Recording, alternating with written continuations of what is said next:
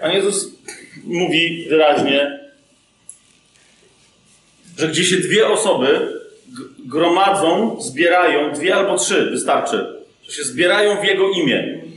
One nie muszą tego nawet powiedzieć. Jedna przychodzi w imię Jezusa i druga też przychodzi w imię Jezusa. On mówi, że jeżeli dwie osoby się spotkają w Jego imię, to On już jest pośród nich. Tak? To jest prawdziwa obecność. Oczywiście pomijam jeszcze inną kwestię, ale teraz to na razie nie jest moment, bo żebyśmy rozmawiali na temat, na temat, na temat tego, co jest prawdziwą egzystencją. E, ale tak swoją drogą przy okazji e, zauważcie, e, że Słowo Boże nie pozostawia nam żadnej wątpliwości co do tego, że rzeczywistość to jest Chrystus. Tak? List do Kolosa mówi bardzo wyraźnie, że rzeczywistością jest Chrystus. Jedna z pierwszych rzeczy, jaka się musi w nas wydarzyć, żebyśmy mogli zacząć być prawdziwie wierzącymi. Wierzący to jest ten, który może chodzić dzięki wierze, a nie dzięki postrzeganiu zmysłowemu. Drugi do Koryntian, piąty rozdział. Wiarą bowiem chodzimy, a nie oglądaniem. Tak? To, to, to, to, to łaska chodzenia w wierze zaczyna się od, od wstrząsającej świadomości, że rzeczywistością jest Chrystus, a nie krzesełko, na którym siedzisz. My, my cały czas mamy naprawdę taką tendencję, żeby puknąć w coś i powiedzieć, że to jest rzeczywiste. To nie jest rzeczywiste.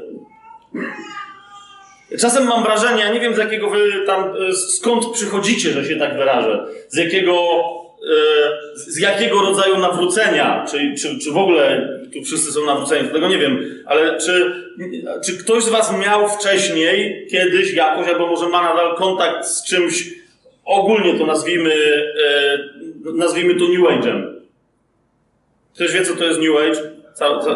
Okej. Okay. A to jeszcze inny, bo, bo, są ludzie tutaj też, którzy na przykład zajmowali się biznesem albo innymi. Niekoniecznie niektórzy wiedzieli, że to może być New Age, bo to jest stara nazwa, ale czy ktoś z Was się kiedykolwiek spotkał z, z filozofią, e, z tak zwanym prawem przyciągania? To, no, wie, wiecie o co mi chodzi, tak? I teraz, wiecie, wiecie co? Chyba, że będzie trzeba, to dzisiaj trochę, to, to, to mógł potem o tym trochę powiedzieć, nie, nie, na razie nie, nie widzę takiej potrzeby, ale odnoszę wrażenie, że ludzie, którzy, na których chrześcijanie czasem tak patrzą, to jest New Age, że tak zwani New Age'owcy, że wyznawcy sekretu, tak zwanego, wiecie o co mi chodzi, właśnie tego prawa przyciągania, że często tę świadomość, tylko oni ją niestety yy, w ogóle gdzie indziej nakierowują, w, w kompletnym zamroczeniu, tak? Ale, ale że tę świadomość że to nie jest rzeczywistość, potem nie wiedzą, co jest rzeczywistością, tak? I tam się pojawia cała ta bajka, że można kreować rzeczywistość. To jest nieprawda. Niestety słyszę też e, teraz coraz częściej ludzi, którzy próbują e, z chrześcijaństwa jakby zrobić ochrzczone prawo przyciągania. Wie, wiecie, że ostatnio jeden mój dawny, dawny, dawny znajomy, ale nie aż taki znowu dawno znajomy, Michał Wawrzyniak, no ja jestem mówiąc tu działający całkiem niedaleko, obecnie się ze zdziwieniem odkryłem, patrzę, Misiek, jakiś taki dziwny, e, a tam podpisane, że występuje jako Coach Mike. Teraz jest Coach Mike, okej, okay. hello, coachu. I Coach Mike, e, bo, bo akurat nie chodziło mi o coacha Mike'a, tylko chodziło mi o Popka, to jest kolejna jeszcze E, postać, ponieważ Bóg mnie e, mocno, bardzo mocno ostatnio dotyka, żeby się modlić za jakichś dziwnych ludzi, między innymi za Popka. No od razu wam mówię, e,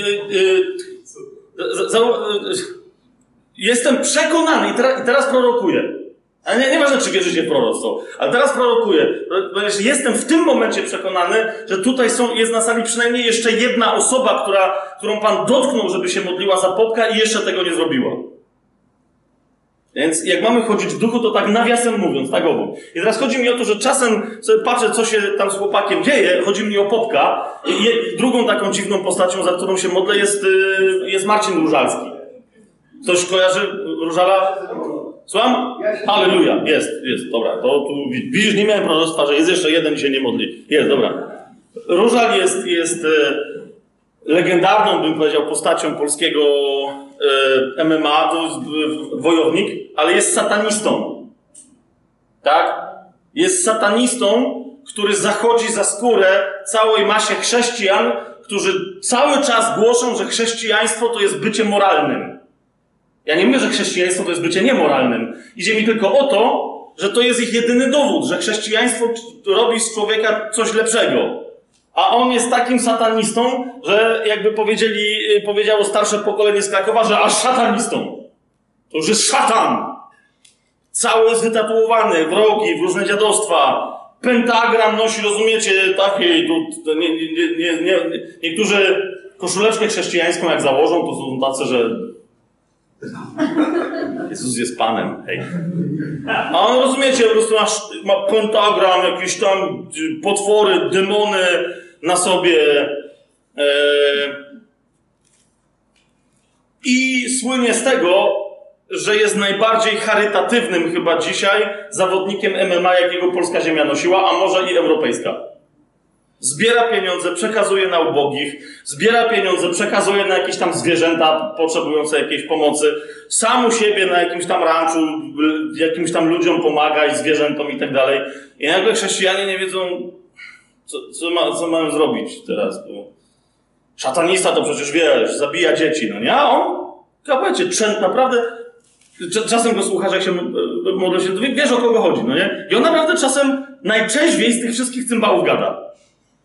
On się e, dzisiaj będzie mieć walkę, Różalski.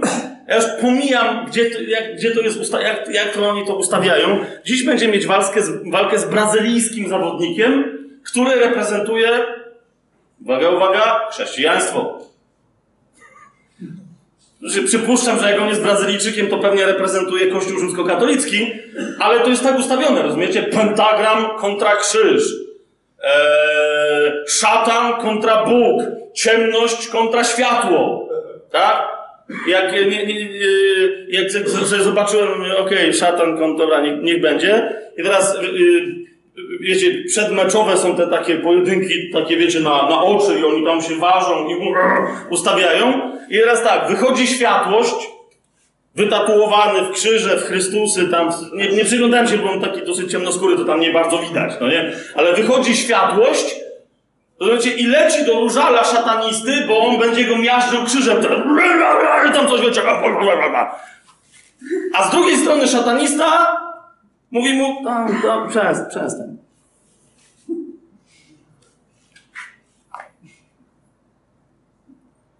Ja teraz nie chcę powiedzieć, bo tak patrzycie na mnie, ale co chcesz powiedzieć, że szatanista jest lepszy od chrześcijanina? Nie. E, robię tylko wprowadzenie do tego, że mam bardzo mocne przekonanie, żebyśmy się dzisiaj wszyscy, wszyscy każdy, nie wszyscy, bo wszyscy to każdy, e, pochylił. To jest też jakieś takie religijne określenie, że się pochylił. No. Żeby się odchylił! Nie, że się skrzywił! W każdym razie, żeby się zajął swoją wiarą. Jeżeli to jest chrześcijaństwo, to, to chcę, żebyś się przyjrzał, albo żebyś się przyjrzał swojemu chrześcijaństwu. Jak, się, jak nie jesteś chrześcijaninem, to się przyjrzyj swojemu wyobrażeniu chrześcijaństwa. O to, o to mi chodzi. Tak? Ale jeszcze raz, punktem wyjścia dla nas jest, dla, dla wierzących, dla tych, którzy rzeczywiście mogą się nazywać chrześcijanami, że rzeczywistością jest Chrystus. Nie ma żadnej rzeczywistości, która determinuje Chrystusa, Mesjasza, Jezusa, który umarł i zmartwychwstał, został z wzbudzony dla y, Twojego i mojego zbawienia. Nie, ma żadnej innej rzeczywistości, to On jest rzeczywistością i to On determinuje to, czego Ty możesz albo nie możesz doświadczać. Po prostu. To On. Ale teraz, zanim pójdziemy dalej, bo ja się już e, podpaliłem, jak mówimy o tym, to ha! Ale to nie, to na razie zapomnę. Zdejmujemy emocje, spokojnie, powrót. Fajnie nam się, fajnie nam się gadało? Kto z was rozmawiał tutaj z nierzeczywistym człowiekiem? Nie, nierzeczywistym. Kto, kto z was spotkał mojego ostatniego niemożliwego tam z tyłu? Niektórzy w ogóle nie rozumieją, o co się pytam. Dlaczego? Ja, ja gadałem tam z Zosią, dajże spokój, jak, jak to? No oczywiście nikt z was nie rozmawiał z ostatnim niemożliwym, bo go tu nie ma. Rozmawialiście z, z ludźmi w miarę rzeczywistymi. Tak? Okej, a ja teraz powiedziałem, że rzeczywisty to raczej jest Chrystus. A cała reszta o tyle, o, o ile od niego rzeczywistość jakąkolwiek czerpie. W związku z tym, jak my, póki co wciąż jeszcze ciekawsze albo mniej ciekawe, ale wciąż jeszcze widma rzeczywistości. Serio, popatrzcie dookoła się, to nawet nie są zombie tutaj siedzące, są takie raczej widemka. Wszy, wszyscy ci, którzy przyjęli Chrystusa, którzy wyznali Jego zmartwychwstanie, ale też w chrzcie przyjęli na siebie Jego śmierć, są martwi. Więc naprawdę to jest tak, e, nie wiem czy wszyscy tu są chrzczeni, ale kapujecie tutaj jest, jeżeli gdzieś macie zombie walk, to właśnie witajcie w świecie dość przerażającym. Ludzi wolnych, bo martwych. Okej, dobra. bo- Dzisiaj może być więcej znaków zapytania niż wykrzykników, więcej pytań niż odpowiedzi. Tak. Chodzi mi o co? Niezależnie od tego, jest, jaka jest Twoja forma wiary, co tam, się, co tam się u Ciebie dzieje, jak się przywitaliśmy ze sobą, pogadaliśmy, trochę się poznaliśmy, proponuję, żebyśmy jeszcze chwilę chociażby, a, ale jednak zwrócili się do tego, który tu jest obecny, bo nawet jeżeli nie wszyscy tutaj przyszli w Jego imię, to, to, to, to mnóstwo ludzi tu dzisiaj przyszło w Jego imię. Więc jeżeli On tu jest, nasz Pan, nasz Zbawca, jeden, jedyny Mesjasz, który był zapowiedziany i żadnego innego nie będzie, Jezus, jeżeli On tu jest, a jest, i jest bardziej rzeczywisty niż ktokolwiek z nas tu obecny, to teraz się zwróćmy do Niego. Amen? No I się zaczęło. No, siądźcie, siądźcie. Ale was, ale was ma. Nie, nie, nie, nie żartowałem, żeby się pomodlić, ale chodzi mi o to. To jest jednak. Ja byłem księdzem. Jak ktoś nie wie, to ja kiedyś byłem księdzem. I to zostało w łapie, mówię wam. To jest po prostu. Okej, to. po- Znaczy, ja nawet nie muszę powiedzieć Pan z wami, czy coś w tym stylu, z, z duchem twoim. Po prostu to jest takie, okej, teraz tu pomór powstanie. I od razu wszyscy, okej, jak ktoś chce, to niech wstanie, ale jak ktoś chce, to niech se klęknie, jak ktoś chce, to... Dobra, bez przesady, żeby innym nie przeszkadzać, no nie, nie latajcie dookoła czy tam coś, ale po prostu niech każdy to zrobi tak, jak chce. Niemniej zwracam wam uwagę, że jak wyszliście do innych, to nie przesuwaliście się jak idioci z krzesełkiem. Tylko wstaliście. Tak? Więc jeszcze, ale jeszcze raz, jak ktoś teraz czuje, że powinien sobie posiedzieć, jak ktoś chce wstać, jak ktoś chce, nie wiem, przejść, zmienić miejsce, bo w trakcie modlitwy robi wiatraki czy coś, to żeby kogoś nie walnął, to niech odejdzie. Ale, ale zrób to w wolności. Najgorszą rzeczą, jaką można zrobić wobec Pana Jezusa, to ufundować mu debilizm formalizmu religijnego. Nie, nie. Wiecie o co? y, y, Ktoś z was kogoś kocha? Nie wiem, żonę, męża, y, no dobra, nie, nie wiem, dziecko, kogoś. Jak byście się poczuli, gdyby ta osoba, którą kochacie, e, jakbyś się poczuła, że jakbyś się poczuł, gdyby do ciebie podeszła i zaczęła coś cudować? W sensie jakiejś takiej sztuczności, tak? Gdybym przyszedł do, nie wiem, do mojej żony, usiadł, powiedział, małżonko, e, w imię ojca i syna. Madzia by od razu stwierdziła, y, koniec ze słońcem, nie możesz więcej wychodzić na. To zresztą, o, przy takim zachowaniu, to nie, nie, to jeszcze Madzia by uznała, że ona wie, że ja jestem dziwny, że coś, że ja coś teraz na, próbuję jej y, pogadać. Nie. Najdrobniejsza sztuczność pomiędzy ludźmi, którzy się kochają, jest, jest natychmiast wypunktowana, ale co, czemu to tak dziwnie robisz? Okej? Bóg nam dokładnie to samo za każdym razem po- pokazuje. Jak często ja, ja, ja, ja ni- nigdy nie miałem takiej wizji. Ja w ogóle w zasadzie prawie nigdy nie miałem żadnej wizji, ale chodzi mi o to, że, że, że mam takie wyobrażenie, które myślę, że jest wizją. Za każdym razem, jak widzę zgromadzenia chrześcijan, dwie osoby, 15 i tak dalej, y, bardzo często, tak? Że jak pada hasło, okej, no to już zacznijmy się wreszcie modlić i mam takie wrażenie, że chrześcijanie coś zaczynają robić, a Bóg mi taki taki jest taki, nie, ja ptuję, halo, nie. a oni już się modlą, nie? W zależności od denominacji tam różne rzeczy robią. Mm. O, tak dalej. No wiecie, mają różne systemy, tak? Ale za każdym razem pomijają tego, który jest rzeczywistością. O to mi chodzi. Zaczynają coś robić I dopiero wtedy Bóg jakby w to, co oni robią, wchodzi i mówi: Okej, okay, halo, baza, mamy kontakt tutaj, halo. I czasem my dopiero na modlitwie, ona już trwa, mówimy, to jest modlitwa, i dopiero po jakimś czasie tej modlitwy załapujemy, gdzie jest Bóg.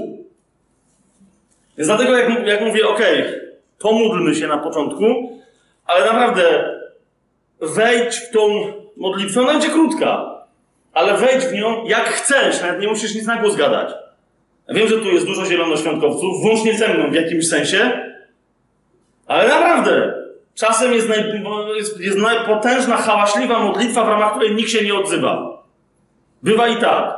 Więc wejdź w tą modlitwę tak, jak chcesz, ale na, ale na bazie uczciwego rozpoznania, że widzisz tu Jezusa. Że, że, że, że, że, że wierzysz, wiedząc, że On tu jest. Jasne jest to, co mówię? Tak. No pewnie, że jasne.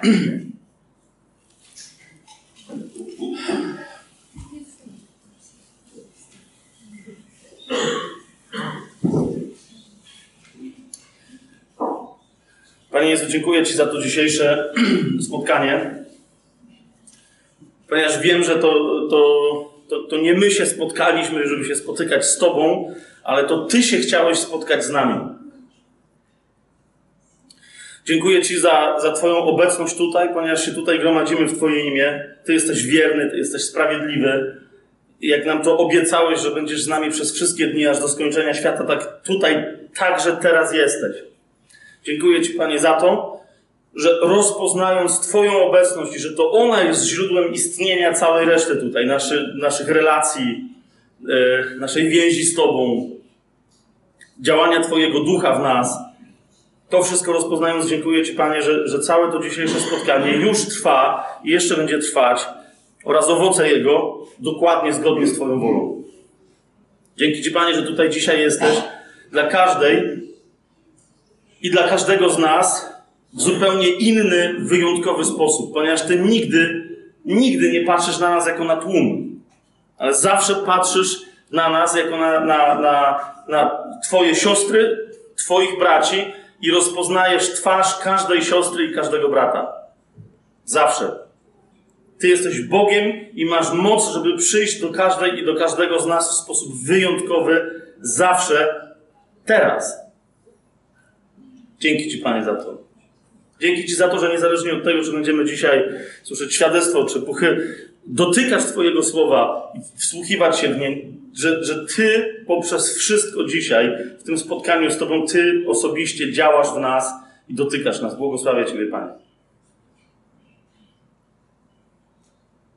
Błogosławię Ciebie, Panie, w Twoim dziele. Witaj dzisiaj w pośrodku tego zgromadzenia, które jest Twoim zgromadzeniem. Ty nas prowadź w swoim duchu do Ojca. Amen. Amen. Eee, kochani,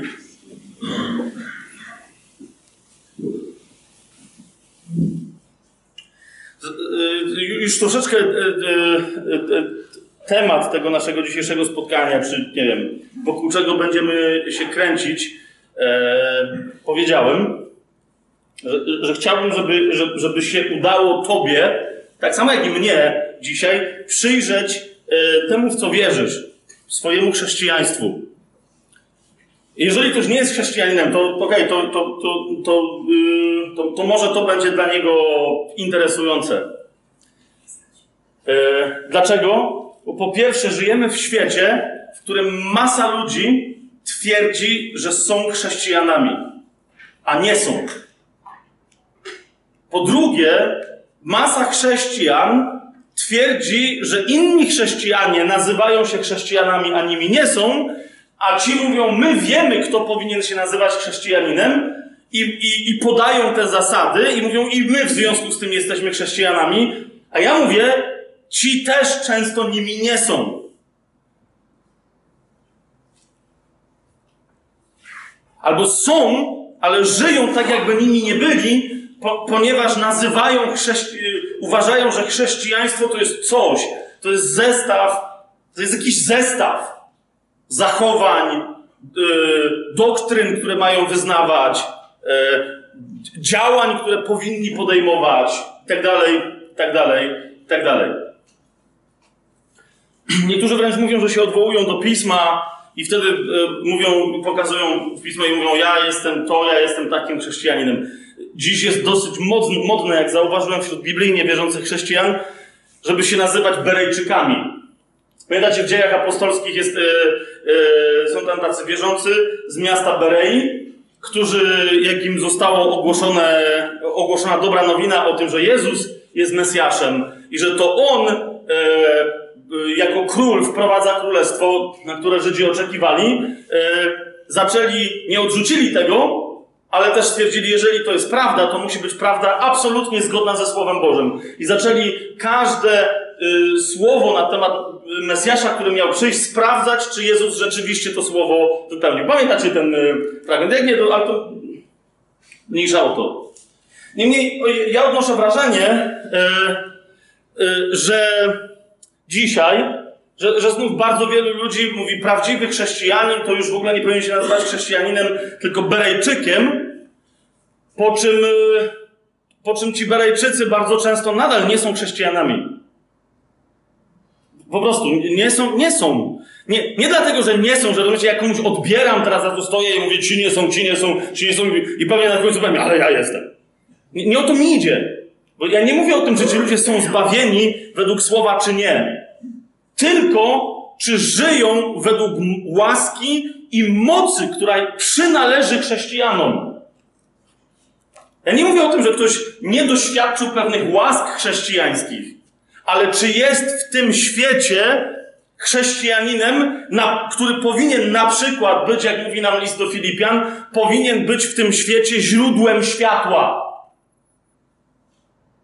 Ja miałem kiedyś jeszcze jako kleryk w kościele katolickim, miałem taką koszulkę, e, jakąś tam prawie, że handmade zrobioną, e, na której miałem napisane ja jestem światłością świata. I e, nieopatrznie, e, zanim jeszcze włożyłem klerycką moją sutannę, jeśli była taka wielka akcja, przyjechał niejaki ojciec Emiliano Tardif. Ktoś słyszał o takim, takim zawodniku? Never. E, a tymczasem to był, nie pamiętam, 90 chyba 6 rok. E, był w Polsce, były dwa duże wydarzenia w Gorzowie bodaj Wielkopolskim i w Łodzi. W Łodzi na lotnisku e, miała być modlitwa o uzdrowienie chorych, którą miał Tardi wprowadzić. I, na tą modlitwę przyjechało ponad 200 tysięcy ludzi. Okej? Teraz e, ja znowu nie chcę robić, wiecie, szałów, bo niezależnie od tego, co teraz powiem, to nie ma to naprawdę dla mnie żadnego znaczenia, a potem może wyjaśnię, czemu to nie ma dla mnie znaczenia. Niemniej, jak e, czasem komuś z Was by się tęskniło do wielkich, charyzmatycznych wydarzeń w Polsce, to Wam mówię, że takie już były. Jak Wam się uda znaleźć gdzieś na YouTubie czy gdzieś e, archiwalne zapisy tej mszy, bo to była mszaś, bo to wiecie, ka- katolicki kościół, tak? To ksiądz. On się modlił o chorych, a potem dostawał słowo poznania, kto jest uzdrowiony. Tak? To zaraz rozumiecie, ja tam byłem. Jak zobaczycie te e, e, archiwalne nagrania, jak komuś się będzie chciało tego odszukać, to jest tam dwóch gości wyznaczonych do kadzidła, dwóch kleryków. Możecie mnie nie poznać, bo ja wtedy byłem. Chodź, chodź, chodź tutaj. Cho- Chodź na chwilę. Nie, nie bój się, no. Nie mówię, że byłem do niego podobny, był ładniejszy, ale chodzi mi o to, że, byłem taki chudy. Dzięki. No będzie mnie trudno poznać, ale ja tam stoję z kadzidłem. Więc byłem tam na miejscu i, i widziałem, co się tam działo. E, Tadej w pewnym momencie powiedział, mówi, w, w tym momencie e, Bóg uzdrawia tutaj, bo chce. Było po, już po tej mszy całej, to była modlitwa chorych, za chorych. Bóg w tym momencie uzdrawia ludzi, którzy mają chore oczy. Od tej pory mogą wywalić okulary.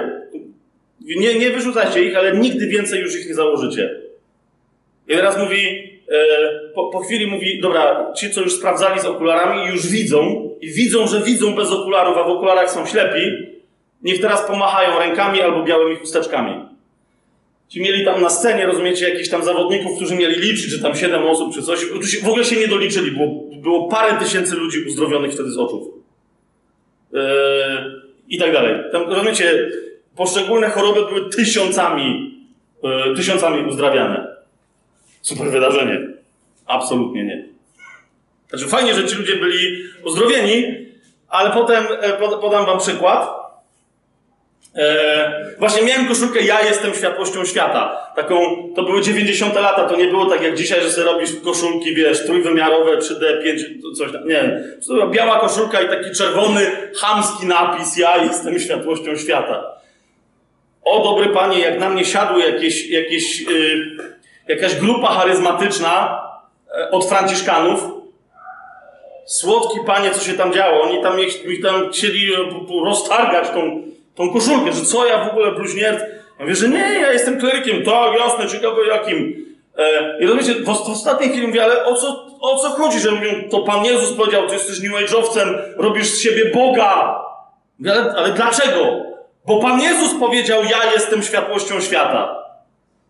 Powiedział? Powiedział, ale co jeszcze powiedział? Wy jesteście światłością świata. Dlaczego? Bo kto ma Jego, ma to, co ma On.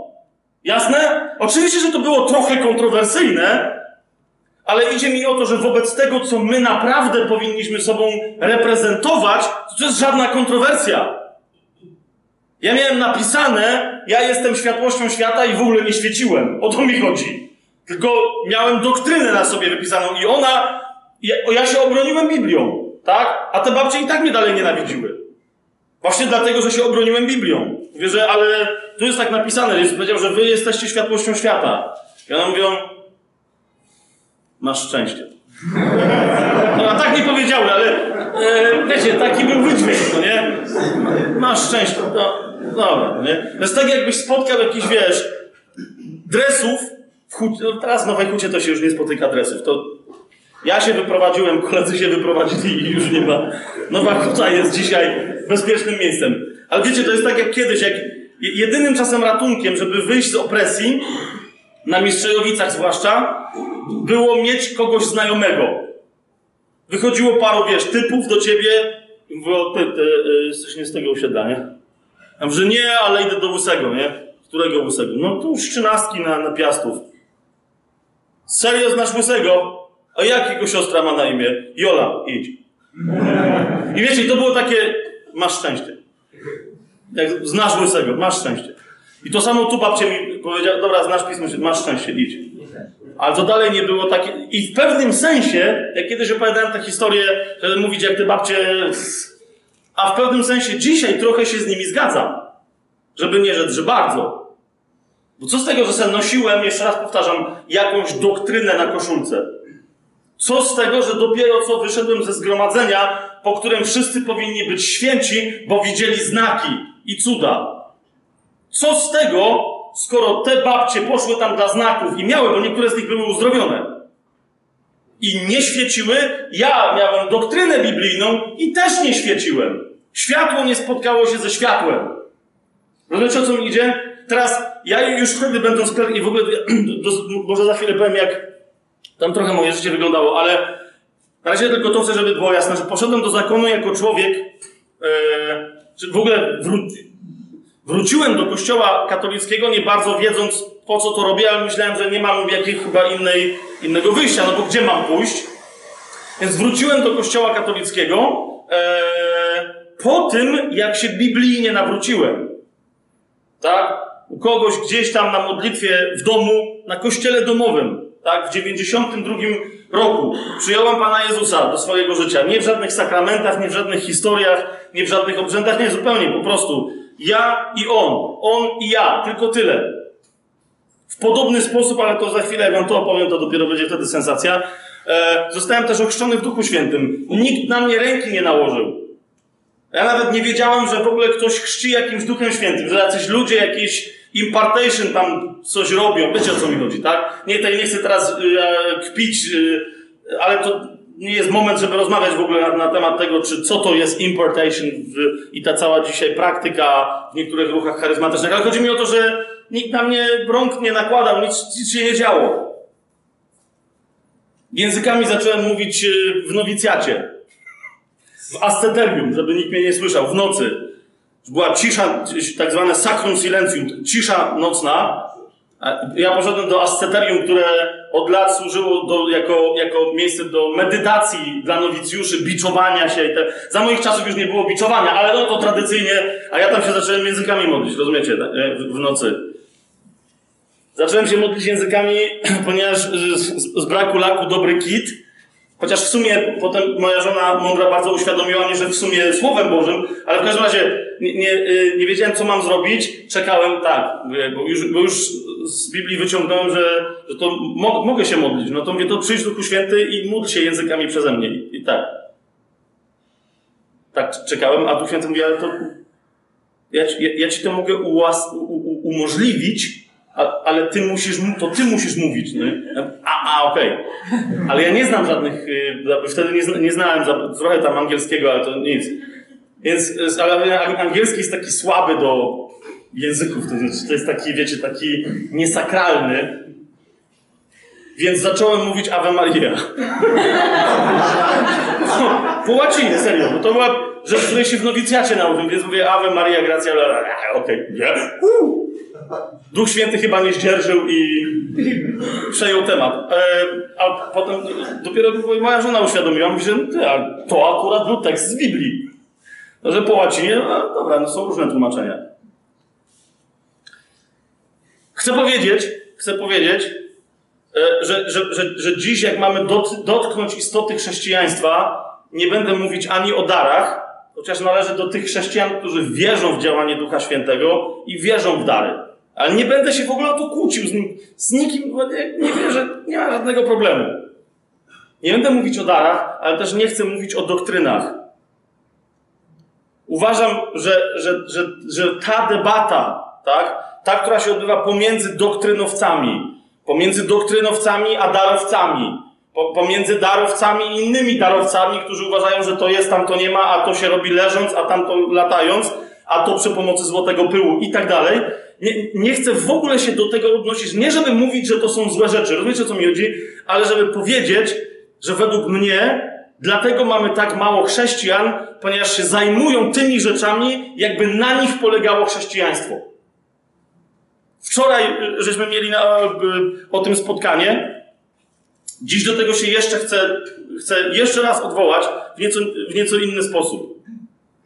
Chrześcijaństwo, jeżeli nie jest tak osobistą relacją z Ojcem przez Jezusa w Duchu Świętym, że nie widzisz niczego i nikogo innego, jak tylko tego, kto jest po drugiej stronie tej relacji, jeżeli chrześcijaństwo nie jest tak zaślepione, że nie widzi niczego innego jako świętego, tylko samego świętego jako świętego, jest chrześcijaństwem bezsilnym.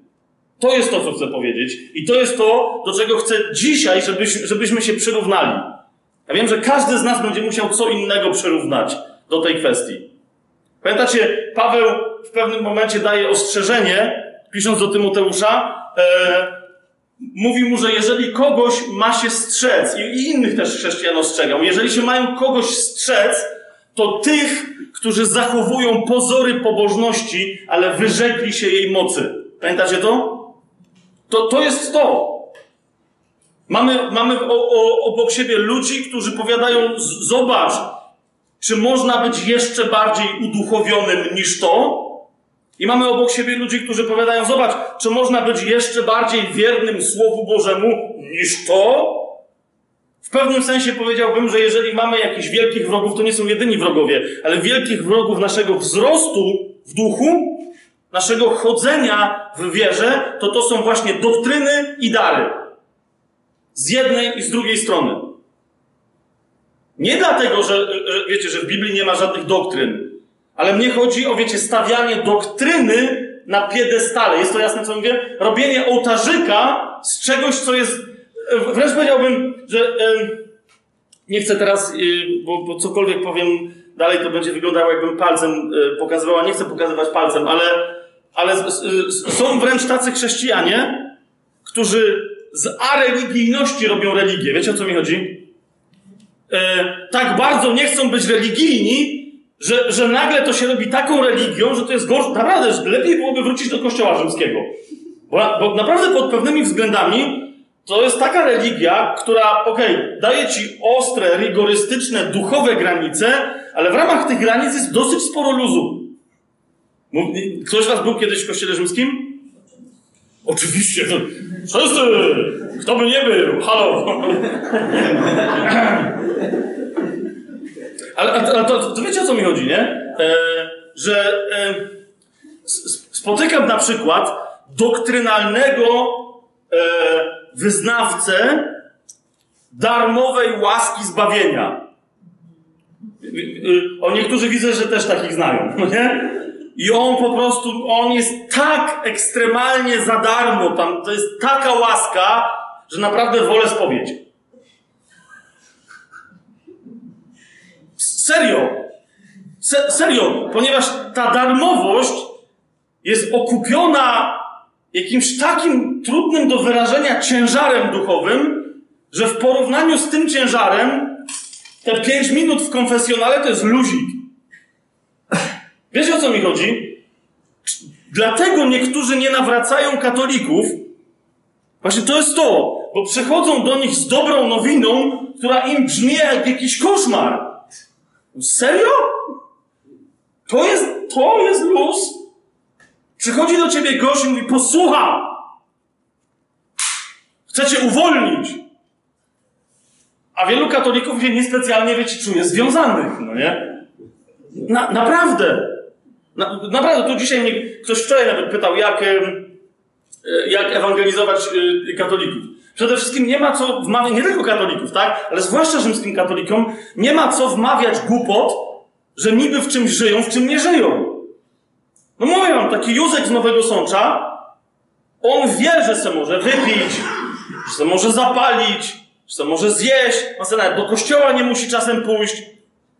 I potem kwestia załatwienia się z tymi grzechami to będzie pięć minut w konfesjonale. Po prostu on tam przyjdzie i, rozumiesz, i dostanie pokutę typu trzy razy zdrowaś Mario. Sam wiem, bo... Następny. Dalej. Więc teraz, jak wiecie, i teraz przychodzi do niego głosiciel wolności w Chrystusie. Tak? I mu mówi o wolności, że nawet czasem taki katolik da się zaprosić. Wiecie, na jakieś, na jakieś nabożeństwo do zboru, gdzieś tam, na, na coś. I on nagle widzi, zależy do jakiego zboru trafi, ale nagle widzi jakichś ciężkich w ogóle ludzi. Tak? Trafia do zboru, w którym na przykład wszyscy mają odlot. Tak? Aha! Mm. I on nie wie, co. I jeszcze patrzą na niego i mówią, no, a ty nie, ty nie ciśniesz? I on, a, a on nie czuje, rozumiecie? Dajesz, wie, ogień, język. Okej. Okay. Albo trafi do innego zboru i on w kościele rzymskokatolickim e, kiedyś kobiety musiały być, wiecie, w nakryciach na głowie. No bo kościół katolicki za rzeczy z Biblii nie wziął, ale tą wziął. Nawiasem mówiąc, ja to nazywam dzisiaj testem katolickości. Jak gdzieś zauważacie rzeczy w rzekomo nowotestamentowym kościele, które są takie same jak w kościele katolickim, a są takie, to nagle wtedy powinno się pojawić takie, czyżby? Serio? Więc, ale w kościele katolickim kiedyś można było, yy, znaczy kobiety musiały nosić, dzisiaj e, to wręcz się zmieniło w taki rodzaj takiego przywileju. Czyli wiecie, że, że kobietom wolno wchodzić do kościoła w nakryciu. Kobiety nie muszą mieć nakrycia głowy w kościele katolickim, tak? To ja widzę, że niektórzy z was nie rozumieją. Powiem, powiem wam autentyczną historię, tak? To był, to był kościół na Rakowickiej w Warszawie. Eee, Rakowieckiej, to tam mi się myli zawsze z krakowską.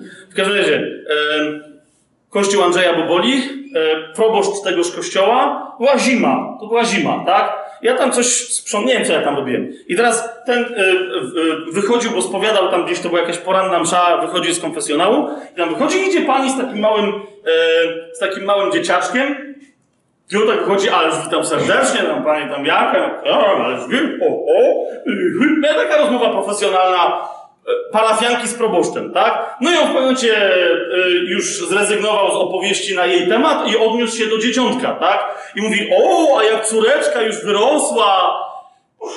I ona mówi, że nie, proszę księdza, to synek.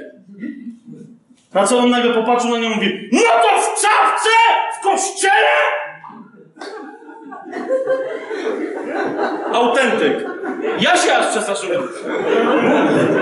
Autentyk. Ona też, dziecko. Wiecie, to była zima, to było dziecko, ale to był chłopczyk. No to w czapce? W kościele?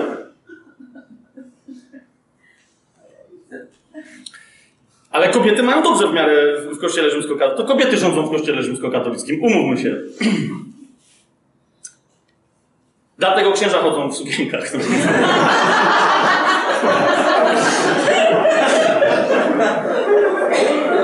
Żeby mieć lepszy kontakt z bazą.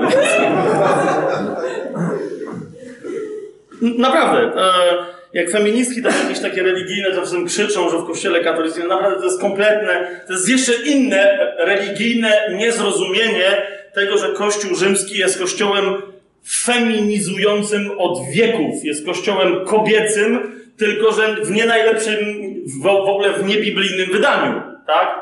Ale to jest kościół, w którym ojciec ostrą rózgą siecze, a szczęśliwy kto się do matki uciecze, tak? Jak ktoś z was nie był w kościele katolickim, to, to myśli, że ja teraz wymyślam jakąś doktrynę w wierszyku, a to jest jedna z najbardziej popularnych pieśni nadal w kościele rzymskokatolickim. Okej? Okay? Ojciec nie jest postacią, jest żadną, jest poważną figurą, ale jest figurą lejącą ostrą rózgą wszystkich. Natomiast właściwą boginią jest matka i to ona rządzi wszystkimi. Tak? Ona jest w stanie ułagodzić ojca, ona jest w stanie przekonać syna, ona w zasadzie jest bezpośrednim prawie, że wcieleniem Ducha Świętego i tak dalej, i tak dalej. To jest, naprawdę nie żartuję.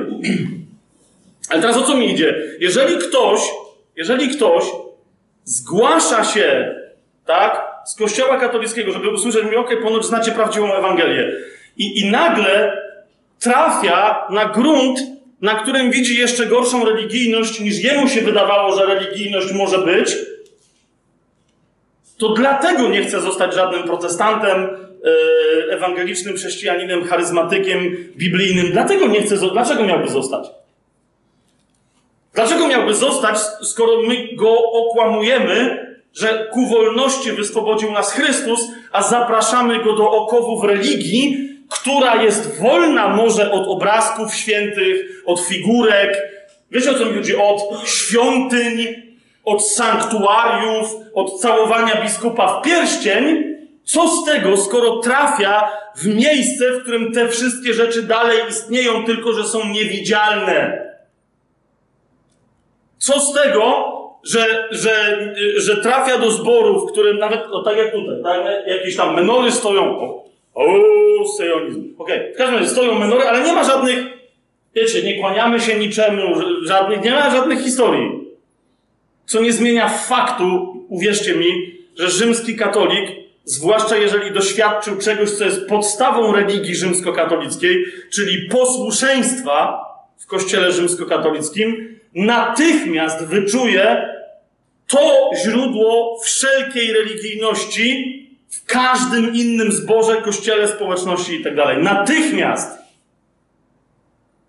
posłuszeństwa mówię nie Bogu, ponieważ, ponieważ ono jest jedynie sensowne, ale mówię o posłuszeństwie człowiekowi, mówię o posłuszeństwie zwyczajowi, mówię o posłuszeństwie tradycji, I jeszcze nie, ja, ja cały czas, wiecie, cały czas w swoim życiu odkrywam kolejne pokłady bycia molestowanym tradycją, nie jak to nazwać, tradycją. Ktoś tam kiedyś, y, taki tytuł widziałem w internecie, to chyba na kanale Jezus bez religii, ale ja tam ani, nie, nie wiem co tam się dzieje na tym kanale, nie, nie zasadniczo nie, nie, nie, tam jakiegoś jednego kawałek kiedyś nauczania słyszałem. Ale chyba to było u nich. Było tam takie nauczanie, którego tytuł mi się spodobał. Nie wiem, czy samo nauczanie było sensowne. Tak od razu mówię, jakby ktoś potem mnie tam chciał, ale oni. Ja nie wiem, co było w nauczaniu, ale tytuł mi się spo, znaczy spodobał. Yy, uznałem go za bardzo przekonujący. Mianowicie ten tytuł jednego z, tego, z tych nauczeń brzmiał, że tradycja jest jak pedofil. To, to brzmi strasznie. To brzmi potwornie. Jak można? Ale zwróćcie, chodzi oczywiście, znaczy tak mam nadzieję, że to o tym było to nauczanie. Ale jeżeli się odniesiemy do tradycji religijnej, jakiejkolwiek tradycji religijnej, to tak, tak, chcę powiedzieć, że dla wielu ludzi jest to zranienie, jeżeli wyrasta w takiej czy innej tradycji, która jest tradycją religijną. Zaraz jeszcze powiem, co, co, co mam na myśli, ale jeżeli ktoś wyrasta w tradycji religijnej, to z miejsca, jako, nie wiem, wiecie, psycholog, traktowałbym, i był czas, że tak, jak, kiedy jako taki pracowałem, że, że traktowałbym taką osobę jako molestowaną w dzieciństwie. I to gorzej niż seksualnie, gorzej niż fizycznie, gorzej niż e, emocjonalnie, po, ponieważ to było molestowanie na poziomie moralnym, na poziomie pogranicza duszy z możliwym, chcącym się narodzić duchem. Wiecie o co mi idzie, tak? To było molestowanie serca. Ci, jeszcze raz, kto tu jest z kościoła? Ale że się wy, był wychowywany w kościele rzymskokatolickim. Okej, okay. podam wam tylko jeden przykład. I jeszcze raz, nie chcę teraz atakować kościoła rzymskokatolickiego, nie o to mi chodzi. Byłem księdzem i wiem, że wielu księży to, o czym ja teraz mówię, też uważa, że jest bezsensowne. Wielu księży, to o czym wam teraz powiem. Chodzi mi tylko o to, że ale taka jest tradycja. Tego pilnuje hierarchia. Tak musi być. Otóż, mówi się o tym, że jednym z najpiękniejszych wydarzeń w życiu e, katolickim, absolutnie najpiękniejszym, ponieważ wciąż jeszcze pełnym dziecięcej niewinności, a jednak już troszeczkę duchowej dojrzałości itd., tak itd., tak nie jest ani ślub, ani tam inne, tylko że jest to pierwsza komunia święta. Tak? Wiecie, te dziewczynki, ci chłopcy elegancko ubrani, te dziewczynki w bieli, to y, mam wrażenie, że później wiele y, katolickich kobiet tak naprawdę próbuje sobie odtworzyć, jeżeli miały w miarę tam dobre doświadczenia z pierwszą komunią świętą, naprawdę kilkuset ślubów udzieliłem jako ksiądz. To jeszcze raz mówię, że naprawdę wiele kobiet widzę, że szuka nowej pierwszej komunii świętej. A potem są rozczarowane, że okej, okay, to chyba nie. To chyba nie. Ale, ale jeszcze, wracamy do tego. Teraz popatrzcie, i, i cały czas mamy z zewnątrz patrząc koncentrację na pierwszej komunii. Już pomijam, co to jest pierwsza komunia, nieważne, tak? Chodzi mi o to, że to powinno być szczęśliwe wydarzenie. Ale prawie nikt nie mówi o tym.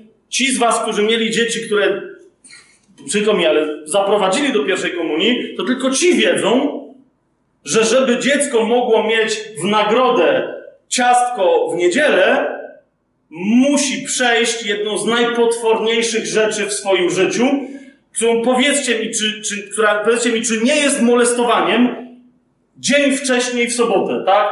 Mia, miałaś dziecko do komunii. No, no, właśnie, niektórzy tu widzę, że kiwają głowami. Chodzi mi o to, że to dziecko, zanim pójdzie do pierwszej komunii świętej, dzień wcześniej musi pójść do pierwszej spowiedzi świętej. Ok? I teraz uważajcie. Co wam powiem? W ramach e, doktryny rzymskokatolickiej, rzymskokatolickiej wewnętrznie, Prawo kanoniczne, nie wiem jak w tym momencie, że tam się coś nie zmieniło, ale prawo kanoniczne mówi, że dziecko nie musi mieć pozwolenia, jeżeli nie było ochrzczone jako dziecko. O to mi chodzi, bo wiadomo, że w kościele rzymskim się chrzci dzieci. Ale załóżmy, że tam się ktoś nawrócił, coś tam się stało, okej. Okay. Dziecko, jeżeli nie było ochrzczone w kościele rzymskokatolickim jako dziecko, może nie pytając się o zgodę rodziców, może przyjąć samodzielnie chrzest w kościele katolickim, a więc jest uznane za osobę, która jest trzeźwa w świetle prawa kanonicznego, tak? Że może samostanowić o sobie, że jest odpowiedzialna. Może bez pytania się rodziców o zgodę przyjąć chrzest w wieku 14 lat. Co to oznacza? To znaczy, że według prawa kanonicznego przed tym wiekiem zasadniczo rozważa się dziecko jako nie do końca trzeźwe. Tak? Teraz co to oznacza idąc dalej? Bo niektórzy tak patrzą na mnie, że stary, ale ty to serio gadasz, ja to teraz serio gadam. To, to rozumiecie, w kościele katolickim to jest rzeczywistość, tak? Otóż, co to oznacza? W kościele katolickim to oznacza, że zasadniczo dziecko, dlatego na przykład dzieci e, są zwolnione z postów i innych tego typu kwestii. Oczywiście i tak potem rodzice mówią, ale już musisz się do, do, dokształcać, bo jak przyjdzie czas i, i dzieci i tak poszczą. Ale chodzi mi o to, że jak dziecko nawet, nie wiem, nie zachowa postu, czy nie pójdzie w niedzielę do kościoła, czy coś, jakby nie ma odpowiedzialności typu grzech, ponieważ żeby coś było grzechem w kościele katolickim, no i to w sumie jest racja, musi być w pełni dobrowolne i w pełni, co? Świadome. Tak? Jeżeli dziecko jest traktowane do 14 życia, roku życia jako nie do końca świadome pewnych swoich czynów, no bo nie może w pełni odpowiedzialnie samo z siebie zdecydować o tym, czy może być ochrzczone, tylko muszą to rodzice jakby potwierdzić, że jest czy nie, to zauważcie, to zauważcie, oczywiście można je dopuścić do tak zwanego sakramentu komunii, ale pytam się, na jakiej podstawie to dziecko ma być spowiadane? Z czego? Rozumiecie o co mi chodzi? Z czego to dziecko ma być spowiadane? Z czego? Według prawa kanonicznego, y, y, bo po prostu ad definicjam, tak? Z definicji to dziecko nie, po prostu, nawet jak robi coś głupiego w swoim życiu, to najprawdopodobniej to nie są grzechy. A w każdym razie, jeszcze raz, w kościele rzymskokatolickim nie wszystkie grzechy wymagają pójścia do spowiedzi, tylko grzechy tak zwane ciężkie. Lekkie są załatwiane tak zwaną spowiedzią powszechną w czasie, wiecie, katolickie mea culpa, moja wina, moja wina, moja bardzo wielka wina. I to załatwia wszystkie pomniejsze grzechy. Pytanie więc brzmi, po co to dziecko idzie do pierwszej spowiedzi przed pierwszą komunią? Bo taka jest tradycja. Po prostu. Taka jest tradycja. Tradycja tak każe. Niech się dziecko już przyzwyczaja do tego, że z punktu widzenia Bożego, żeby mogło dostać nagrodę z jedzenia Pana Jezusa, ok? I tak zwanego pełnego uczestnictwa w najważniejszym sakramencie wszechczasów, jakim jest Msza Święta, żeby mogło dostąpić te, tej, tej mocy, najpierw musi się upewnić, że w, wobec Boga jest na zero. Ponieważ, tak nawiasem mówiąc, jeszcze raz mówię do tych y, katolików, którzy nimi byli, a może jeszcze i dalej są, zauważcie, że spowiedź nigdy nie daje nadziei na wyjście ponad dług. Zauważyliście to?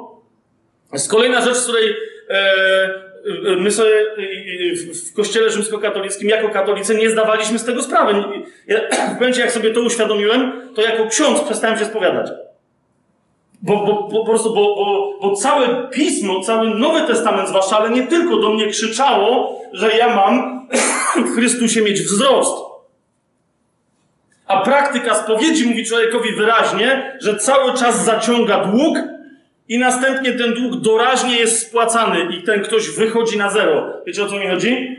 Teraz ten ktoś może nadrobić, a więc może sobie zarobić poprzez co?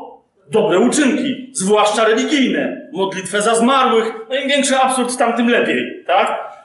E, wielokrotne, e, nie wiem, różańce, koronki tam do miłosierdzia, a jeżeli jest w takiej postawie, a nie w takiej, to jeszcze lepiej, a na kolanach jak wytrzymasz 5 minut dłużej. Rozumiecie, to wszystko Bóg zbiera, liczy na kalkulatorze i w pewnym momencie coś ci się zdarzy, typu, rozumiecie, ty już to masz uzbierane i już tak chodzisz taki obciąż, obciążony i mówisz, okej, okay, jakbym teraz umarł, to, uu, to mam czym się pokazać. I nagle coś się zdarzy, tak? Przechodzi fajna babka, a tam pamiętaj, że w kościele rzymskim łaska prawie w ogóle nie działa, wiecie, tak jak w ludziach zbawionych, o to mi chodzi, tak? Tam wciąż jest ludzie zbawieni, którzy nawet często nie wiedzą, że są, to jest mniejszość, tak? Więc ci ludzie tam naprawdę walczą głównie cieleśnie o, o coś, co rozumieją, że jest świętością, tak? Więc przejdzie jakaś fajna babka, ten na nią spojrzy porządliwie, potem się za trzy minuty przyłapie i to jest tak jakby, wiecie, nazbierał przez miesiąc tych wszystkich tych i nagle pff, wszystko mówi... I teraz nie tylko, że nic nie ma, bo wiecie, stracił łaskę uświęcającą tak zwaną, tak? Nie tylko, że nic nie ma, to jeszcze znowu jest na długu. To dlatego, to nie jest tylko kwestia kościoła rzymskokatolickiego, tak? Ale chodzi mi o to, że tamto e, bardzo jakoś tak, wiecie, E, kontrastowo to widać, tak? E, że, że sytuacja człowieka wobec Boga jest dosyć bezsilna. Jest dosyć taka. I tak musisz wszystko e, dotrzymać do ostatniej chwili. I w tej ostatniej chwili zrobisz taką woltę, taki myk, że pyk i umrzesz. we właściwym stanie. Wiecie o co mi chodzi? Takim na zero, ale będzie. No nie? Kto z was, kto z was, kto był w kościele rzymskokatolickim, kto z was liczył na to, że śmierć będzie wspaniałym momentem przejścia do chwały? Kto z was y, w ogóle miał świadomość, że jest coś takiego? Był ktoś z was taki? Z tych, co byli... Wie, wiecie o co chodzi? Katolik liczy na to, że może mu się uda pyknąć do czyśćca. To jest, to jest to.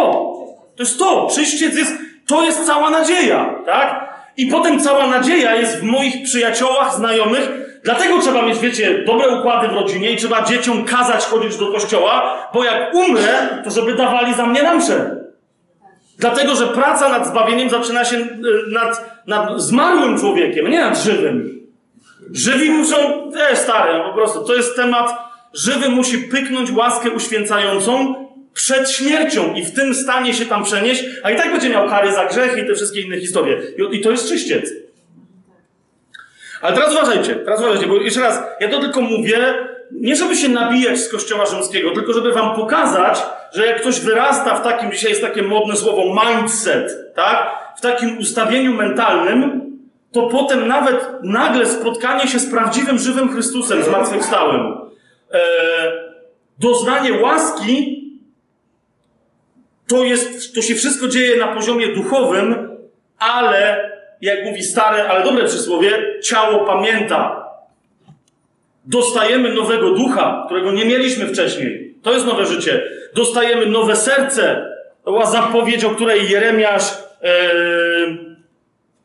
Ezechiel krzyczeli: Ducha nowego tchnę do waszego wnętrza. Ser, wezmę wam serce z kamienia, a dam wam serce z ciała. Ale uważajcie, Nigdzie nie pojawiła się obietnica, że wraz z pobraniem od nas martwego, tępego jak skała serca i z udzieleniem nam e, łaski życia, żyjącego serca, mięsistego serca, wraz z odebraniem nam ducha, który zdechł jak, jak duch pochodzący od Adama, a z otrzymaniem ducha od nowego Adama, czyli od Chrystusa, ducha żyjącego w nas, Nigdzie nie ma obietnicy w Piśmie Świętym, że wraz z tym darem od razu otrzymasz nowy umysł. Jest gdzieś taka obietnica? Nie ma. To dzięki nowemu narodzeniu i nowemu życiu wchodzisz dopiero na, do, dostajesz szansę, dostajesz możliwość przemienienia swojego myślenia. I, I, właśnie o tym, o tym dzisiaj, do, nie, nieważne jakiego rodzaju chrześcijaństwo wyznajesz, co nazywasz sobie chrześcijaństwem, o tym chcę do Ciebie powiedzieć. Na ile Twój nowy duch, który jest taki sam, ma takie, same, takie samo obdarowanie, jak, jak w każdym innym nowonarodzonym i nowonarodzonej. Na ile Twój duch może swobodnie poprzez Ciebie działać, na ile Ty działasz jako duch, który skąd wieje i dokąd wieje, to nikt tego nie wie, tylko ten, który go prowadzi, a więc Duch Święty. Na ile Twój duch może działać swobodnie, a na ile jest blokowany przez klatkę Twoich przekonań staroumysłowych. Zauważcie, wołanie Pawłowe, w- którym cały czas mówi: nawracajcie się w swoim myśleniu, przemieniajcie się w swoim myśleniu. Jest wołaniem nie do ludzi, którzy są nienawróceni, ale jest wołaniem do ludzi, którzy są nowonarodzeni. Jak sobie zobaczycie yy, w drugim liście do Koryntian, tam gdzie jest mowa, pamiętacie, o twierdzach e, duchowych, e, o twierdzach mentalnych de facto, tak? On cały czas mówi, pierwszo, pier, pierwsze do czego twoja siła duchowa powinna być zaprzęgnięta jako do roboty, Pierwsze to jest atak na, na, na te wszystkie twierdze mentalne, które udało się pozakładać w Twoim sposobie myślenia religii, nie demonom nawet. Jeżeli nawet demonom, to naprawdę demony to zrobiły, robią bardzo często w sposób pośredni.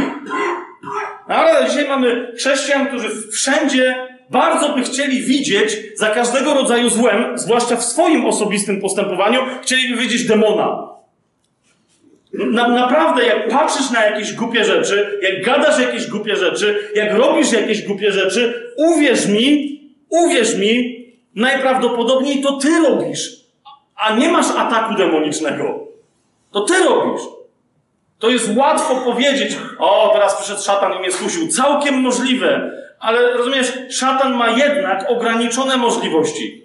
Tych, tych aniołów upadłych może jest sporo, ale nie jest ich nieskończona liczba. Nie, nie jest. W związku z tym, jeżeli szatan widzi, że ty coś robisz, do czego on normalnie musiałby cię nakłaniać, to po co jeszcze ma tracić energię, żeby cię nakłaniać do tego, co i tak robisz? Po co? Ilu chrześcijan dzisiaj e, na przykład wdaje się w jakąś walkę z demonami, która tylko i wyłącznie, e, ja mam wrażenie, że często tam nawet w ogóle nie ma żadnych demonów, tak?